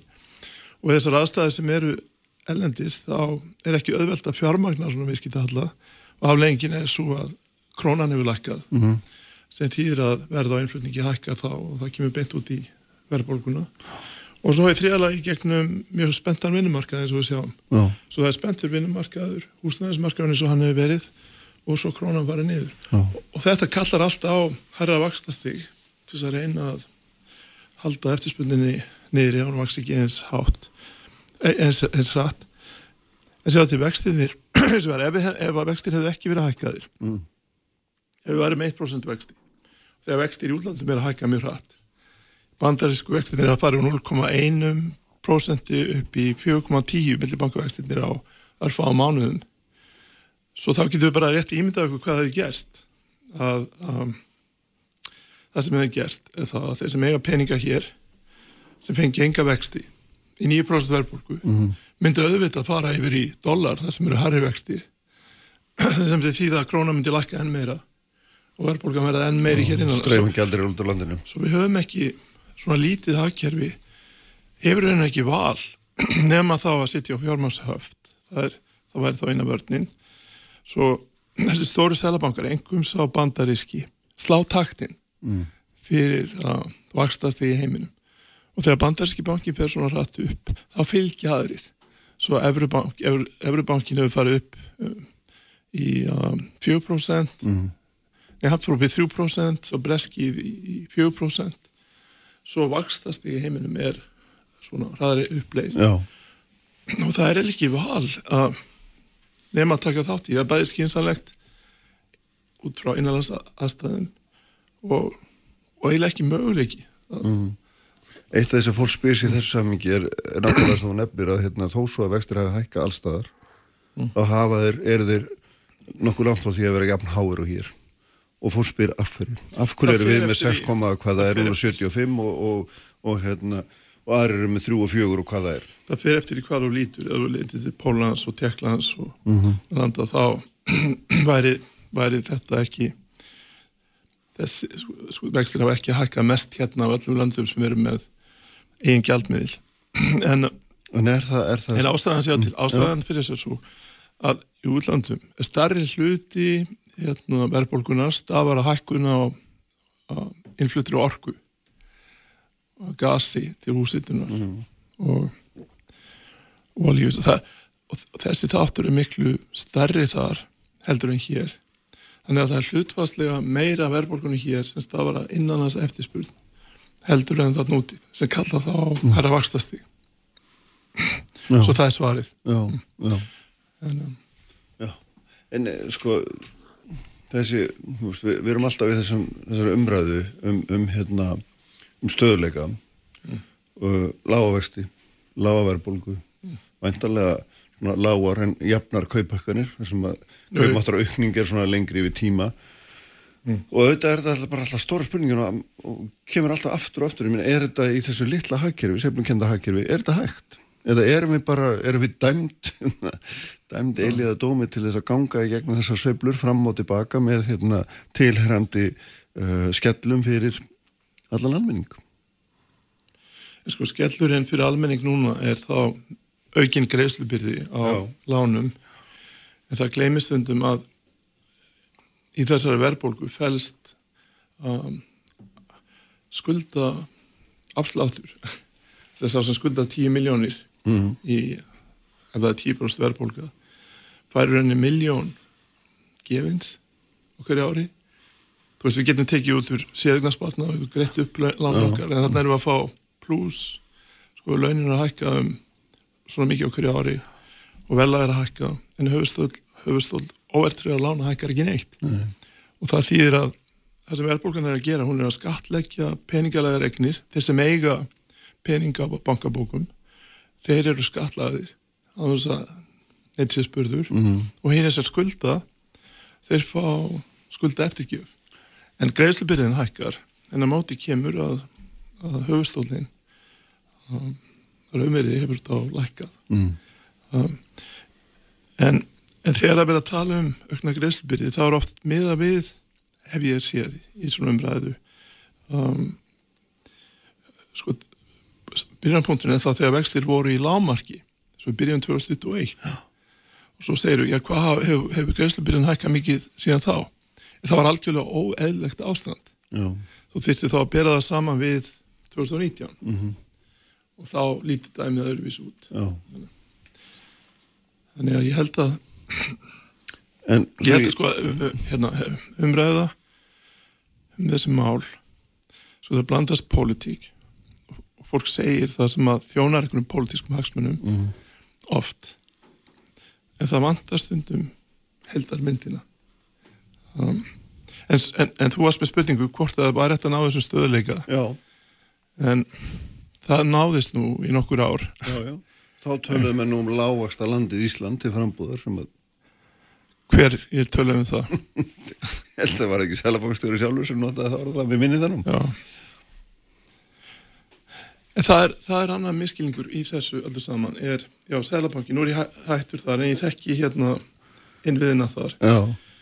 og þar vinna týjir ungra hagfræðinga og þeir vinna baki brotnu í fleiri vikur til þess að undibúa ákvarðaninnar og þetta eru öruglega einhverjar vönduðustu ákvarðanir sem eru teknar hjá hann ofnbúra síðan er nefnd, sko fimmanna nefnd sem tekur ákvarðun og þar gilda all atkvæði jaft og Sælabankastjóri bara einn á þessu mm. fimm mm. síðan er ákverðunin um, útskýrð í tilkynningu sem kemur út sem er mjög meitluð mm. og þetta er það um, ákverðanferðli sem að uh, er búið að setja upp og finn púsaði gegnum árin um, síðan þegar einstakli nefndamenn og þar er Sælabankastjóri bara einn af þeim mm. er með uh, skoðanir þá eru það hans prívat skoðanir. Um, og það er mjög mikilvægt að aðgreina um, þessar stjórnvalds ákvarðanir frá öllum prívat skoðunum. Eins og þegar ég skrifaði greinar uh, mánalega greinar um peningastefnu þá sagði ég alltaf síðast þetta eru persónlegar skoðanir, mm. endur spekla ekki nefndina. Æ, svo já, þannig að já, menn geta haft það skoðan sem vilja lágasta landi eða ekki lágasta landi en það er eina sem skiptir málu og þeir sem eru í fjölmennu verða að passa upp á það að aðgreina að stjórnvalds ákvæðanir og tilkynningar frá uh, síðan því sem einstakir nefnda menn segja. Mm -hmm. en, en svo höldum að sáfram með hérna, förum ekki að, að, að, að höldum að sáfram að tala um hennar stöðuleika og hennar möguleika á honum mm. við, við, við vorum ekki konir að nefndi niðurstöðum það. Myna, hvort að það sé yfir höfuð einhver möguleiki í þessu litla hagkerfi sem þú nefndir á þann og, og talar um að þyrti að hérna, elda þann sem slæri taktin hverju sinni. Já, og þá líka við um Breitland mm. Miklu starri hagkerfi þau. En um, en ef við berum okkur saman við Efruland þá er mikil verðbólka núna í Danmarku og Svíþjóð og Þískalandi Ítalíu. Um, en vextin eru ekki eins háir sem þýðir að það er verið að skallegja þá sem eiga peninga meira og nefngriða þá lánin meira líka. En þetta er hlutað miklu starra máli. Það er einn ein vittlesan sem ég finnst verið í gangi er svo að þegar að fólk kvartar undan í að hafa vöxt með verðbólgu mm. að þá sé það einhvers konar valit option bara að skipta um gjaldmiðl þetta er svona já, já. að segja 2008-2009 þá segja, já, akkur ekki bara tekinu upp Kanadadólar svo gekk vel, þá er ekki verið að tala um þetta. Og núna segja, já, ef við værim með efruna, þá væri þetta allt miklu betra. Mm -hmm. en við erum ekki með efruna og það væri ferli sem þyrsti til þess að það gerist fyrst að fara í Európa-sambandi tæki einhverja ár.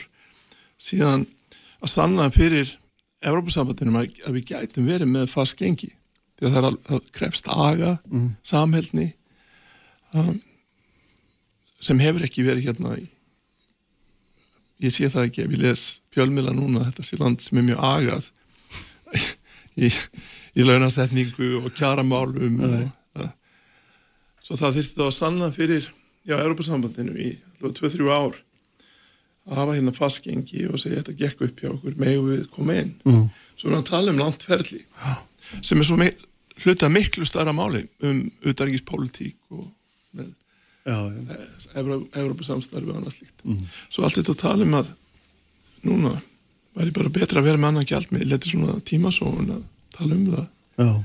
en með að vera að tala um eitthvað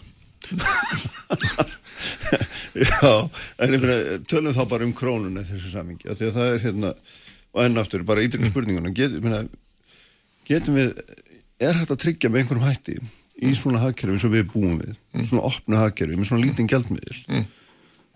mm. og án þess að hafa fjármarsöfnd eins og nefndir Já. að sé hægt að viðhalda þokkalögum mm. skulum ekki fara, dí, dí, taka dýpir árinni bara þokkalögum stöðleika Já, það, það sem tókst held ég árin eftir áfaldið 2008 var að búa til um, kerfi í peningastjórn sem er þannig að við verðum ekki fyrir eins miklum höggum og áður vegna fjármangsreifinga inn í krónuna út. Það er annutaki sem er þá notuð. En við sleppum aldrei við það að, að við erum að fá breytt atvinnulíf. Þetta eru fáar greinar og ef einn verður fyrir höggi það hefur það áhrif á heldina og það er erfitt að losna við það. Mm -hmm.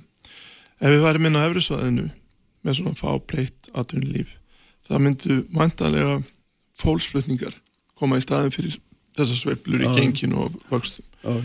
þannig að ef er þið neikvægt áfall er áfall hérna, þá myndir fólk flytja á brott og svo í uppsveiblur kemið aftur það kemið þá í staðin fyrir þessar gengisveiblur sem við hefum haft hér Það er náttúrulega bóstalega byggt inn í efuruna til þess er hún að Já. þú geti flutt á millið til þess að þurfur ekki að vera atvinnur sem hefur, ekki satt? Jú, jú. Jú, jú, og það er umtalsverðir að búfældarkvöndingar núna, ég vil, því kerfi sem við höfum, eins og núna eru eftirspurnu eftir vinnuafli mjög mikil og fólk er að flytja frá Európu hingað til þess að fylla störfi í ferðarþjónum stórum greinum. Um, svo, svo við erum mjög tengt vinnumarkaði í Európu, svo það getur virkað. En við finnst þú alltaf verið að segja mér svona, kannski ekki berum orðum, en samt svona lega líkur að því að, að, að hérna, þessi stöðleiki sé nú býstna flóki fyrirbyrði að ná upp í samfélagi sem er struktúrur eins og okkar með þess að fá aðdunugreinar með þennan frjálsa gældmiðl, neina enna gældmiðl sem flýtur mm. flæðir á milli og svo framins opna hagkerfi og allt þetta. Já, já, það er mjög flókið. Já.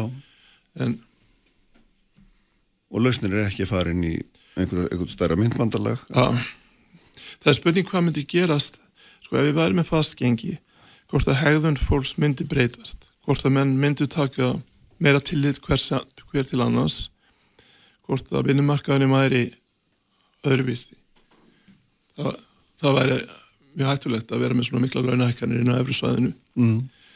myndi það þá breyta hegðun fólks eins og að við byrjum okkur saman við Danmörku sem er svona samfélagða sem er mikil stöðuleiki En þá byggist öðleikin á því að viðhalda pöstu gengi við efruna. Svo það var í áhugaverð tilruna að í gegnum hvort að þetta samfélag myndi breytast. Mm. Þannig að fólk myndi standa saman um þá stöðuleika að krónan væri först. E, því að ef það fólk gerði það ekki þá væri voðin mýr. Svo, svo þessi órói sem er hérna í þessu samfélagi það er spurning hvort að það myndi minga. Mm. Um, en, en, en til þess að gera það þá þarf að fara inn í Evropasambandi sem er pólitísk um, ákvörðun sem að já, já fyrst ég hættur í nefndinni get ég sagt að það væri bara mjög skynsalegt Vittu hvað þau? Það væri pólitísk ákvörðun og hún væri skynsalega Nei, mér finnst það að vera skynsalega svo mörg, svo mörg mál sem að standa fram með fyrir núna sem krefjast þess að eins og öll Evrópa mm. sem taka ákvarðan í lofslagsmálum mm -hmm. uh, einflindjandamálum í hérna varnamálum uh, og það sé betra að vera innan bors þegar þessar ákvarðan eru teknar eins og núna er verið að taka ákvarðan um að skalleggja flugfélög uh, og þá á að skalleggja legginn frá Evrópu til Íslands og þetta skemmir það fyrir hérna, þessu líkanir sem er búið að vera hérna síðan loftlegir byrjaði að fljúa frá Luxemburg til New York var ekki betra þá að vera innanbors og taka þátt í ákvörðunni heldur en að þurfa að ringja til Brussel og enginn svarar?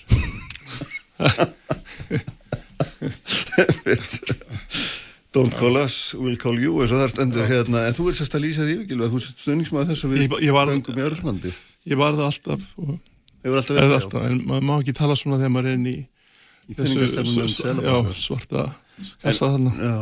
En ég meina, nú Nú gerum við skýran greinamun á persónalú skoðum og, og skoðum penningstefnendar og því að Sælabankstjóra saði á, á fundi með þingnefnunum daginn að ef að En ég er ekki lengur í einu Nei, ég veit það, ég veit það en mér finnst það áhugavert að spyrja þig hann sagði að hér væri miklu meiri verðbólka mm. ef við værum öðru sæðinu heldur en í, í królunni í augnablíkinu þegar maður spurði sérstaklega út í þetta Erstu, En það væri Myndur þú verið að taka undir það? Sko, það, það, það er það að vera með inn á efruðsvæðinu er þá svítjóðar í efruðsamðinu ekki með efru það er þá annað skref svo held hluti af þessu samstarfi. Mm. svo það er alveg óvist að, að það er nokkur tíman hér. En já, en það, það sem vantar aðeins í svarið þess er að við erum sko þegar svona mikil eftirspunni innan þess hérna þá þá er vandamál að fjármagna vískitahallan sem veldur því að krónan lækkar sem veldur auka verðbólgu hér það var ekki vandamál inn á eflusvæðinu um, svo þau er ekki í þessum vanda um, með já, vískitajöfnuð og fjármagsblæði eins og við hér nei, nei. það er einfaldara mm. Nei, nei, og á móti segja mann alltaf við aðri, þetta er rétt en, en hérna það þýr líka það ef að förum í niðursöflu mm. þá myndu hérna atvinnuleysi aukast á móti vegna þú getur ekki hérna lækkað verða á gjaldmillinum og, og hérna og flutt út fyrir meira fyrir og hvernig, hver, þá, hver, hver myndi þá þín rauk vera því? Já, er það þá, fólksvöldningsraukna? Nei, þá er þið vinnmarkaðurinn að segja já, það er köpmátturlaunar og hár hérna verðum ekki að lækka launin aðeins til þess að fyrirtækin geti þrifist uh mhm. -huh. í staðin fyrir að þetta sé gert með gengislækun og það er bara spurning er nóg mikil ægi hérna innanlands til þess að fara í gegnum það? Það er að koma í ljós. Og Já. það gerist áður um ferðinu á efrisvæði þú veist að það fast gengi í fleiri ár. Já. en þetta er bara hlutið að miklu starra máli er að, fyrst ég get sagt persónulega skoðanir núna að við erum hérna í Evrópu, við erum umkringt sko það er Norður Afríka með sínum vandamálum, það er miðausturland, það er Úsland sem erður hættulegt fyrir sjónana framtíð. Uh, svo hvernig getur við bundist þessum líðræðisríkjum hérna í Európa sem allra mest þess að þess að maður vil. Það er ekki verið með heppin að vera hér en ekki einhverstur annar staðar. Mm. Og til þess að leysa þessi samílega vandamál og, og sitja allar á fundum og vita hvað er að gerast. Þannig að ég hef aldrei það væri það væri jákvæmt en, en þetta er pólitík. Já, já, er þetta kannski að fara í pólitík? Nei, nei. Heyrði, hérna, sem aðeins hérna leggjum að þetta til því að langar, ég veit að margir velta fyrir sér náttúrulega áhrifum, hérna, þetta er svona líka á þangað, hérna áhrifum sko vaksta hækkana á landin einstaklinga og, og og það er, ég held að skilji það allir að þegar að þegar það er mikil þensla í samfélagi eins og okkar, mikil eftirbyggna til vinnafli og, og allt það, þá, hérna, þá þarf að hækka vextu til þess að slá á, á þetta. Einhvern veginn að reyna að kæla niður hækkerfið, en ég held að svona færri átti sig á því af hverju slík vakstahækun þarf að bytna afturvirt á þeim sem hafa nú þegar tekið húsnæðislán til dæmis. Hversun er, er þetta ekki bara látið döga á þá að slá á það sem eftir kemur, skilur mig Ef fólk getur með því að festa vextina Já, ég veit að það er hægt, já, en svona almennt tala þá er það náttúrulega, mm. ef það er ekki bóði. En það er í bóði, þú getur tekið mm. óverð til hann með festum vöxtum til þryggja ára og þá hafa vaksta gjöld þeirra heimilega ekki hækkað fyrir en að þarf endur nýja þau lán og það mun gerast ná næstu, næsta eina til þess ekki næstu 1-2 ár mm. sem það með gerast svo þeir sem er að fá núna hækkun á greiðslubyrði eru þeir sem að nutu þess að hafa mjög lága vexti 2020-2021 og nú fá þeir harri vexti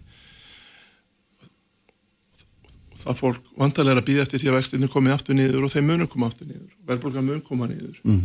svo þetta er þá ákveðin fólks að, að taka áhættuna og njóta lára vaksta og svo og svo frá vextinu upp þá er kristurbrunna meiri svo kemur henni þannig að þetta er sjálfstæða ákveðin fólks að hafa svona breytilega vexti. Þannig að það er, það er bara eitthvað sem að hérna, þú myndir þá segja verið já, einmitt ákveðin hvað svo eins og, og, og það er það séur henni verið ekkert að því að vextir býti á lán sem að búið er að taka fyrir tveimur og þreimur árum já. við alltaf aðstöður þó svo að hafi, þeir hafi það áhrif að þau hérna, greiðslubyrði þeirra aukist verulega. Já, það er bara eins og lífið er, þú tekur fjárhastlegar ákvarðanir og þú veist hvað áhætt að fylgir í. En það maður þetta að segja að, að, að það væri þetta búa til kerfi, sérstaklega fyrir fólk sem er fyrst að komin á markaðin mm. sem er þannig að öllum sé tryggt húsnæði og þessi ákvarðanum það bara eignast þakk yfir höfuðið sé ekki um, svona áhættisum það, það hefur verið í fortíðinni stefnastjórnvald að búa til búa til hérna kerfi. Mm. þannig að allir fái húsnaði þessu unga fólki núna hjálpaði að eignast sína fyrstu íbúð. Þetta geti verið stefnastjórnvalda miklu meira en er í dag. En, um, en það er aftur pólitík. Já, já, það endar allt það er eitthvað því Herðin, ef við ekki að hérna svona svo fyrir maður aðeins aftur bara rétt í upphafið var hann til hérna svona bara næstu mánuði eða svo mm. þarna og Kristalkúluna þá ertu, varstu að lýsa þar náttúrulega ástandið mikil umfram öllspurn á Íslandi og líka mm. hækkandi verða einflutningi á framhandlinni í verbulgu og annar staðar sem þýðir það að við erum að fara, við erum að harfa fram í svona við á þetta ástand einhverja einhverja mánuði fram í tíman já svo vonandi þegar líður á þetta ár muni verðbólkan koma niður og þá sjáum við hvernig vaksta þrónum erður en það tekur 12 mánuði fyrir vextin að býta alveg svo þess að vextaknir á síðasta ári. Við getum séð núna næstu 6 mánuði hvað áhrif, áhrif þær hafa. Mm -hmm. svo húsnæðismarkarnir þegar fann að kólna mjög mikið. Svo, svo orsök verðbólkunar er að hverfa. Vinnumarkarnir ennþá heitur og það er ennþá viskita halli svo verðum þá að sjá hvernig hvernig það þróast svo hvernig einlandi eftirspöld þróast og enga neyslan. Mm. mm. ef það dregur aðeins úr vextinu þar þá getur hérna þá verða horfurna vantilega betri og verðbólga mun koma niður og vextinni munum fara niður. Það er bara spurning hvenar Nákvæmlega, þetta er alltaf svo En svo satt ára skotarleiknulega einu sinni að þess báður ykning og hún kom kannski strax en hún kom alltaf. Já, hún mun koma, trúðu mér. Já, ég trúðu þér. Heyrðu, bestu þakki fyrir að koma eins og æfinlega gilvi. Hérna, okay. Takk fyrir þetta og þeir verða hérna Simundur Davíð og Alstin Nótni Baldursson eftir ögnum líka. Það er alveg sama hvað það er, nú er mm. allstu í sambandi að kæra samtök aðunlýsins fyrir hérna fyrir verðbannið og auðvitað var þrjú að fjögur dómsmál í gangi fyrir tæmu vikum Þannig það er svona, þetta endar allt fyrir dómsfólku. Hvernig hérna aðstættin ef þú aðeins bregður þínu glögg á auða á þessa stöðu, hvernig, hvernig sér þau þetta þróast og leysast? Já, það er verið rétt hjá þér, þetta er búið að vera svona sko, stefnu kærasamningareil, það er verið að stefna út á söður og, og endalust og tefur mikið fyrir löst málsins. En, en ef ég vera mjög stutt orður þá, þá sé ég ekkert annað í stöðin og ég sé, held að sé fassalast fyrir félagsminn eflingar og samt og gatulísins það er það að, að menn komið sér saman um að, að hérna, höggva núti með því að sátta sem er í settur komið fram með milna til öttur helgina. Ég held að það sé því að eina rétta í stöðuna því að það er greinilegt og ég veit það og þekki vel þarna inn í bæði SA megin og eflinga megin að það er bara greinilega ekki, sko, menn er ekki að ná saman og, og ef við bökkum einn mánuð aftur í tíman að þegar aðstill Leifsson laði fram mjölnatillu að í held 27. januar að fyrir mánuði síðan að þá mat hann stöðuna svona því hann, hann bara sá að það var ekkit, það var ekki vilji til þess að semja uh, að ná saman. Og ég held að, að það sé bara komið ljós núna hann hafi fullkonar rétt fyrir sér fyrir mánuð síðan.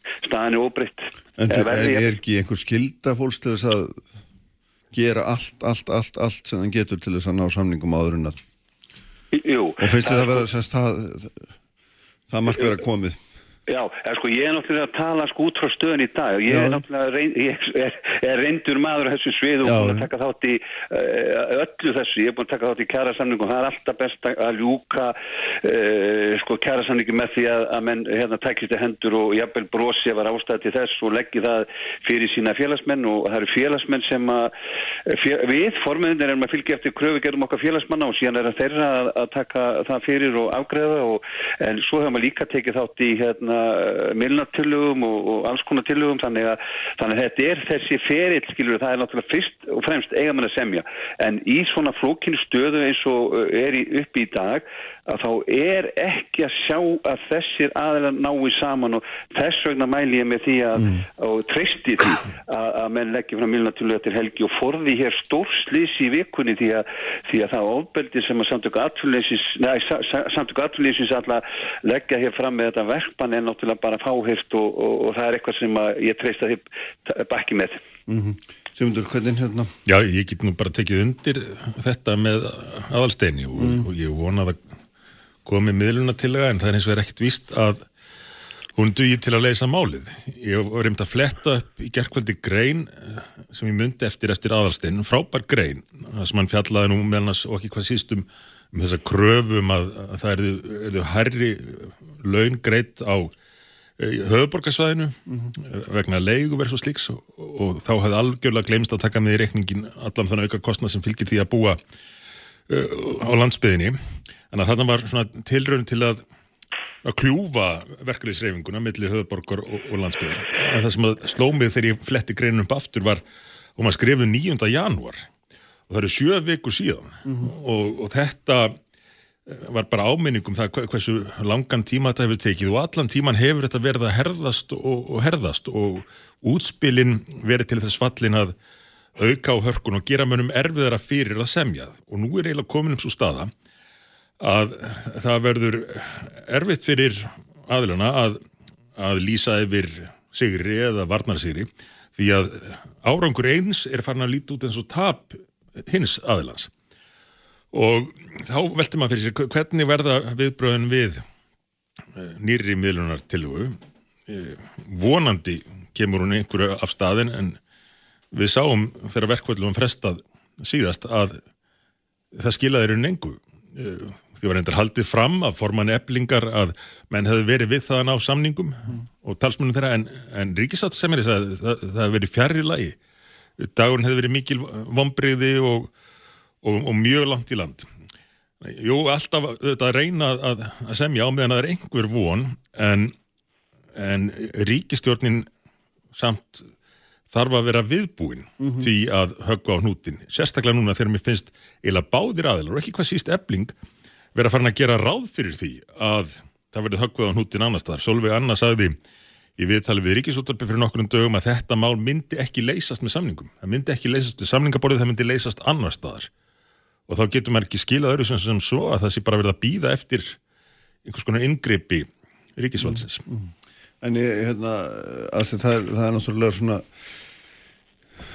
mjög, þú og maður, já, ég veit ekki, allavega með margir og verkefnarsefingunni hafa nú talað sko þannig að, að verði að gefa eflingu þessu tilviki fullt frelsi til þess að fara sína leiðir efnan til verkvalla og, og knýja á um bestu niðurstöðu uh, þessi er samningafrelsi félagið það er frelsi til þess að fara þessa leiðir ég meina, ertu ekki sammála því það?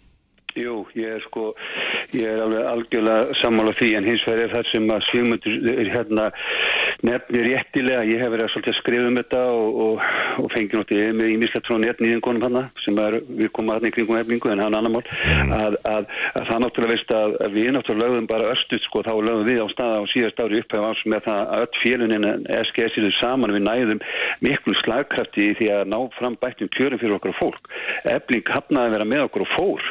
Síðan er það þannig að við erum í sko margra mánaða vinnu, við erum að vinnu tilugum hér þúsunda félagsmanna sem að lögum fram kröfugjari aðgerðir sem við unnum svo með og lögðum fyrir eh, hérna, SA í, í júni og hérna, fylgdum eftir með samningi hérna 3. Hérna, desember en auðvitað, eh, sko, eh, auðvitað var það erfitt að taka við því á sama tíma að við erum í atkvæðagreyslu skuli ebling stíga fram og láta hérna greiða atkvæði, en hérna stíga fram með álíktun þar sem er skora á fólk að fell okkar samninga og það er líka verið að syngja í trúnamen og þeir eru bennum að beita sér við okkar samningu er í feldur og svo er menna að tala um eitthvað að menni að hafa samningsfrelsi stjættafölun. Ég skil ekki alveg svona rauk og það er alveg rétt það sem að Sigmundur Davík kemur inn á að auðvitað hef ég aldrei upplifað það að, þessi vera hérna, stígamönnum í sundur e, þeir sem eiga að vera að standa saman eins og með það að, að ebling skuli stíga fram með það að, að fólk á landsbyðinu almennt eiga að vera miklu, miklu læri launum heldur þeir sem að búa í, í Reykjavík á mjög hægnum hérna fórsendum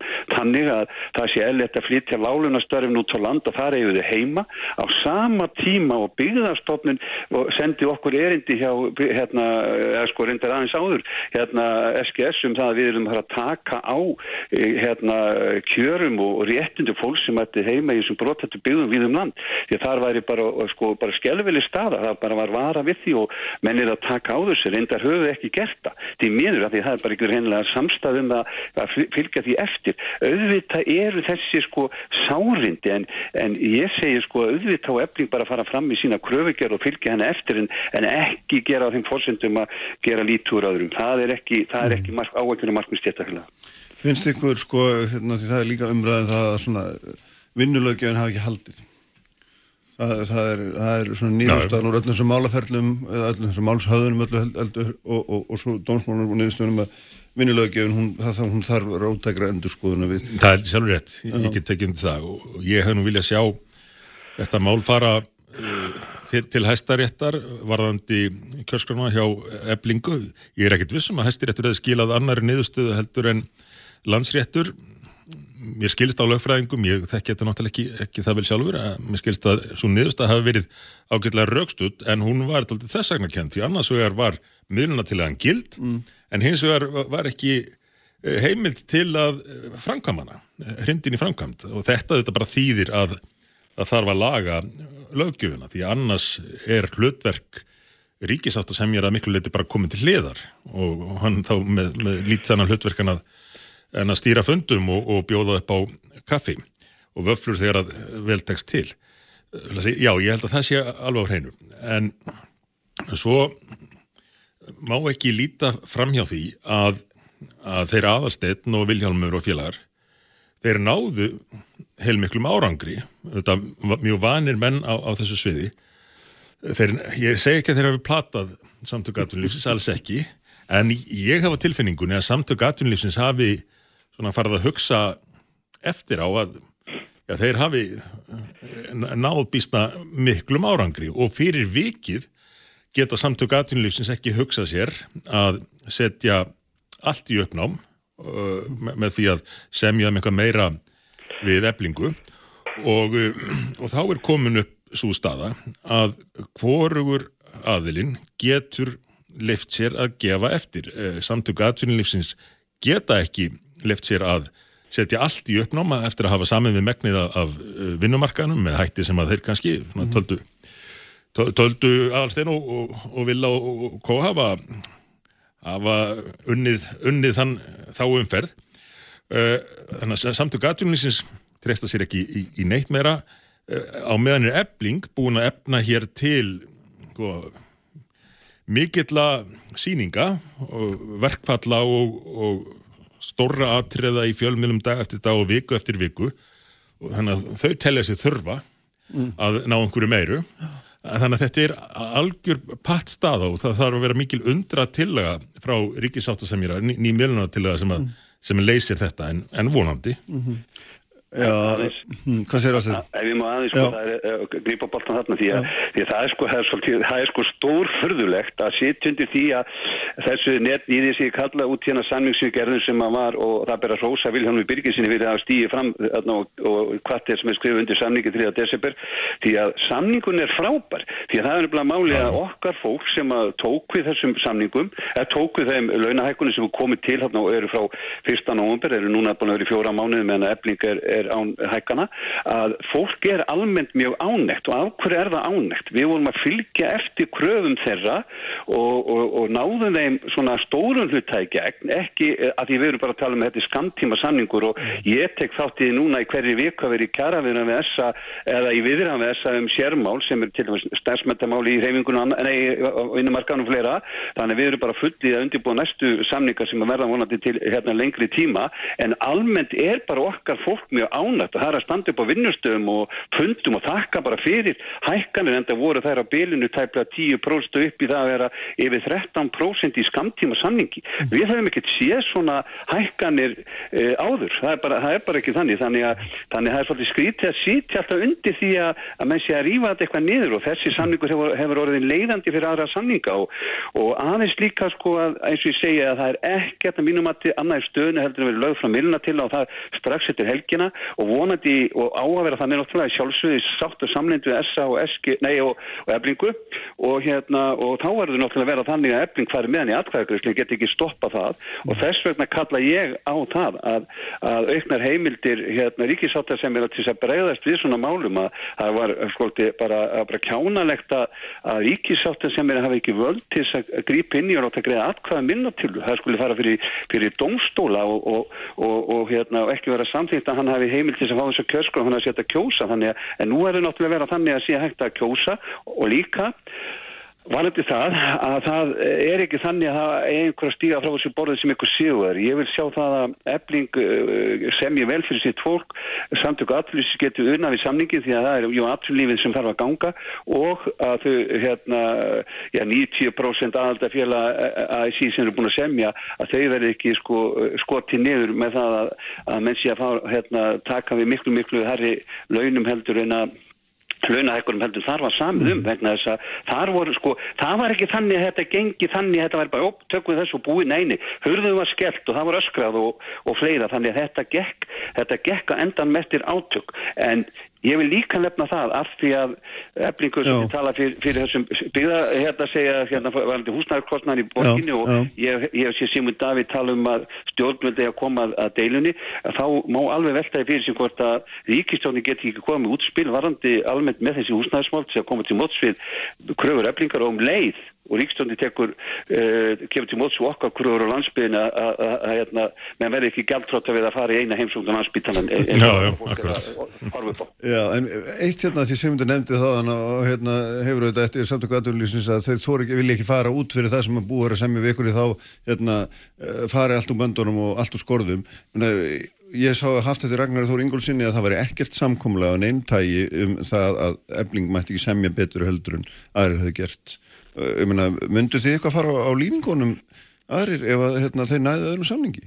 Nei, nei, þeir sko, þeir með að semja eins og þeir vilja en hins vegar sko bara, hins vegar skulum við aðeins bakka Hvað með þú gera ef að, ef að, ef að það næðist betur samningur? Sko, Já, eða, sko, þá er það bara okkar að sækja það í næstu samningum. En, en, en við skulum líka aðeins horfa það líka að 2019 þegar við gengum frá uh, lífskjara samningunum sem að efling var uh, þáttakat í og, og við og fleiri að sjálfsögur bara frábæra og góðu samningur að hérna fyrir okkar fólk og, og íslenska þjóð. Og hérna að þar var, þar var að efling við höfrungarleipin ef að kemur svo aðrið eins og operi starfsmenn og kemur svo eftir á til að semja betri við hefum gert. Þegar við erum alltaf að horfa held að ebling hljóta skilja það núna að, að við, hérna, við höfnum höfrungalöpi sko. Við höfnum höfrungalöpi alveg eins og ebling gerði í 2019 og, og þar á undan var nú flóabandalagi sem fór alltaf fyrir og sömdu alltaf fyrst á íslensku vinnumarka til fjölda ára, selið 20 ára eða hvað það var, 20-25 ár, að þá var það eh, flóin, það var ebling og klíf og keflaug sem að gengur á samningi undan öðrum og undan öðrum stjætafélagum sem eru svo bara að taka því sem að flóin samtum, það var ekkert annað í bóði, þannig að við, ég held að verkefliðsengin sé ekki að kalla eftir höfrungalöpi svo komu þetta er laskaði vinnumarkaður ef þetta fyrir þetta form. Já, það er náttúrulega áhugaverðstirna sem myndi að því að Gilvi var einmitt að tala um þetta á þann að agan sem þýrst á íslensku vinnumarkaði til þess að ná upp að það var hlutað inn á stöðleika og þetta er náttúrulega uppskrift af þess, anstæði þess. Já, en, en ef þáttastjórnandi leifir þá, þá langar maður að spyrja aðalsteinu meitt, að ég er alveg sammála matið hans og og þeir náðu alveg ótrúlega góðum samningum og, og förðulegt að horfa upp á það að það sé ráðist á þá fyrir vikið eins og að það sé á einhvern hátt hafi sett aðra í erfiða stöðu að þeir hafi náð þó þetta góðum samningum en, en ég velti fyrir mér hvers vegna er það? Getur verið að markmiði hjá fóristu eða forman eflingar núna sé ekki endilega það að ná sem mestum kjarabótum til, til skamstíma heldur sé það einhvað annað að, að stríðið sjálft sé markmiðið? Ég ætla nú bara að svara þessu sumundur að ég treyst í sólvögu til þess að vinna þess að heilindum að reyna að ná bæ, hérna, bættum kjöru fyrir, sitt félagsfólk og, og, og, og ég treyst í það fullkomna til þess. Hins vegar hef ég bara ekki verið nú, hef ég ekki frekkan margir aðrir á landsbyðinni að verið ánað með anferðarflæðinni sem að, sem að uh, það er beitt samanberð það að fara að mismunum fólk geti búsettu í launum, það er eitthvað sem að, sem að, sem á ekki viðgangst og ef, ég, ef, ef ég má, þú eru lengi að þess voru lengi að brenna þátt hérna fram að en hérna eitt líka en við skulum líka átt okkur því að ég tala mjög fyrir því og ég held að sé, menn ég að hlusta það að, að, að Ríkisjátti sem er í settur komið milnatilugu eftir helgina sem að verða unnin með þessum aðalum sem verður í deilinu og jafnvel okkur hinn og líka eh, þeim samtökum innan aðeins í en, en það er það að sko ef að það mistekst þá skulum við horfa fram á þá getum við verið að horfa fram á það að reyna að semja og ég sé það bara ekki leysa leitt og í kjölfari kom í gerðadómur sem ákveði þá bara hvernig þetta er að vera. Ef ekki frekkar að byrja á því að reyna að koma og verið lög frá miluna til að og ég ljósi þess að það er engin samnísvilji hjá þessum aðlum uh, um að, til þess að semja. Jájú, en, en stjórnvöld verða að vera undirbúin. Ríkistjórnin þarf að meta hvernig hlutinir getur tróast og verið þá með viðbröðin nokkur með eina á hreinu. Miklu betra að vera undirbúin heldur en að, að, að panika og, og gera þá einhvað sem að hugsanlega hefði mátt gera betur. Og þá þarf að hafa í huga líka að þetta getur tekið tölverðan tíma í, í þinginu. Þannig að það er auðvitað skilda við sem ég enda að reyna að ná samningum en það er líka skilda stjórnvalda að halda samfélaginu gangandi. og þegar að svo staðar kominu upp að bæði ebling og samtök aðunlífsins er að fara að koma í veg fyrir að fólk getur unnið og af miklu leiti vantanlega fólk sem að myndi bara vilja vinna og myndi öruglega vilja samþykja þá kjara samninga sem að Viljólmur og Adalsteinn og, og þeir e, náðu þá erum við lendið til stöðu að, að stjórnvöld get ekki lengur falið sig mm -hmm. En ég held líka um á aðeins bara, þá Já, líka já. sér, ég ætla að endur taka Það lítið eftir aðeins, já. Já, ég veit hann ég, ætla, ég, ég vil endur taka þessi sá að, að, að, hérna, að hérna, ég vona að eflingu gangi sem best að ná bættum kjörfið sitt fólk og ég kalla líka til því að ríkistjórnin blandi sér inn í þessa deilu, ekki með lagasetningu heldur með því að koma með eitthvað er varðar húsnæðiskostnaðin og höfuborgarsvæðinu og, og, og versus svo hérna bara kostnaðin eh, við það að búa á landsbyðinu að hérna var þetta eh, nám, heilbriðismálin og, og, og hérna bara endanum það- það. Þannig að endanum verða ríkisjónin sem það er að koma með, með eitthvað stort útspil, það er eiginlega bara niðurstaða máls hvernig sem að það er litið. Já, þessi atrið sem aðstættin að tala um núna eru náttúrulega atriði sem hafa beðið allt of lengi úrlausnar á, á meðan að ríkið eyðir meir og meir og meir í penningum og slæðir öll með því þá er ekki hugað að þessum grundvallar atriðum. Herðum, við hérna komumst ekki lengra, en takk fyrir að með okkur aðsteinn og hérna góða kveðið norður Já, takk sem Takk, bless. og takk fyrir að koma sem myndur vera með okkur hérna meginn. Takk.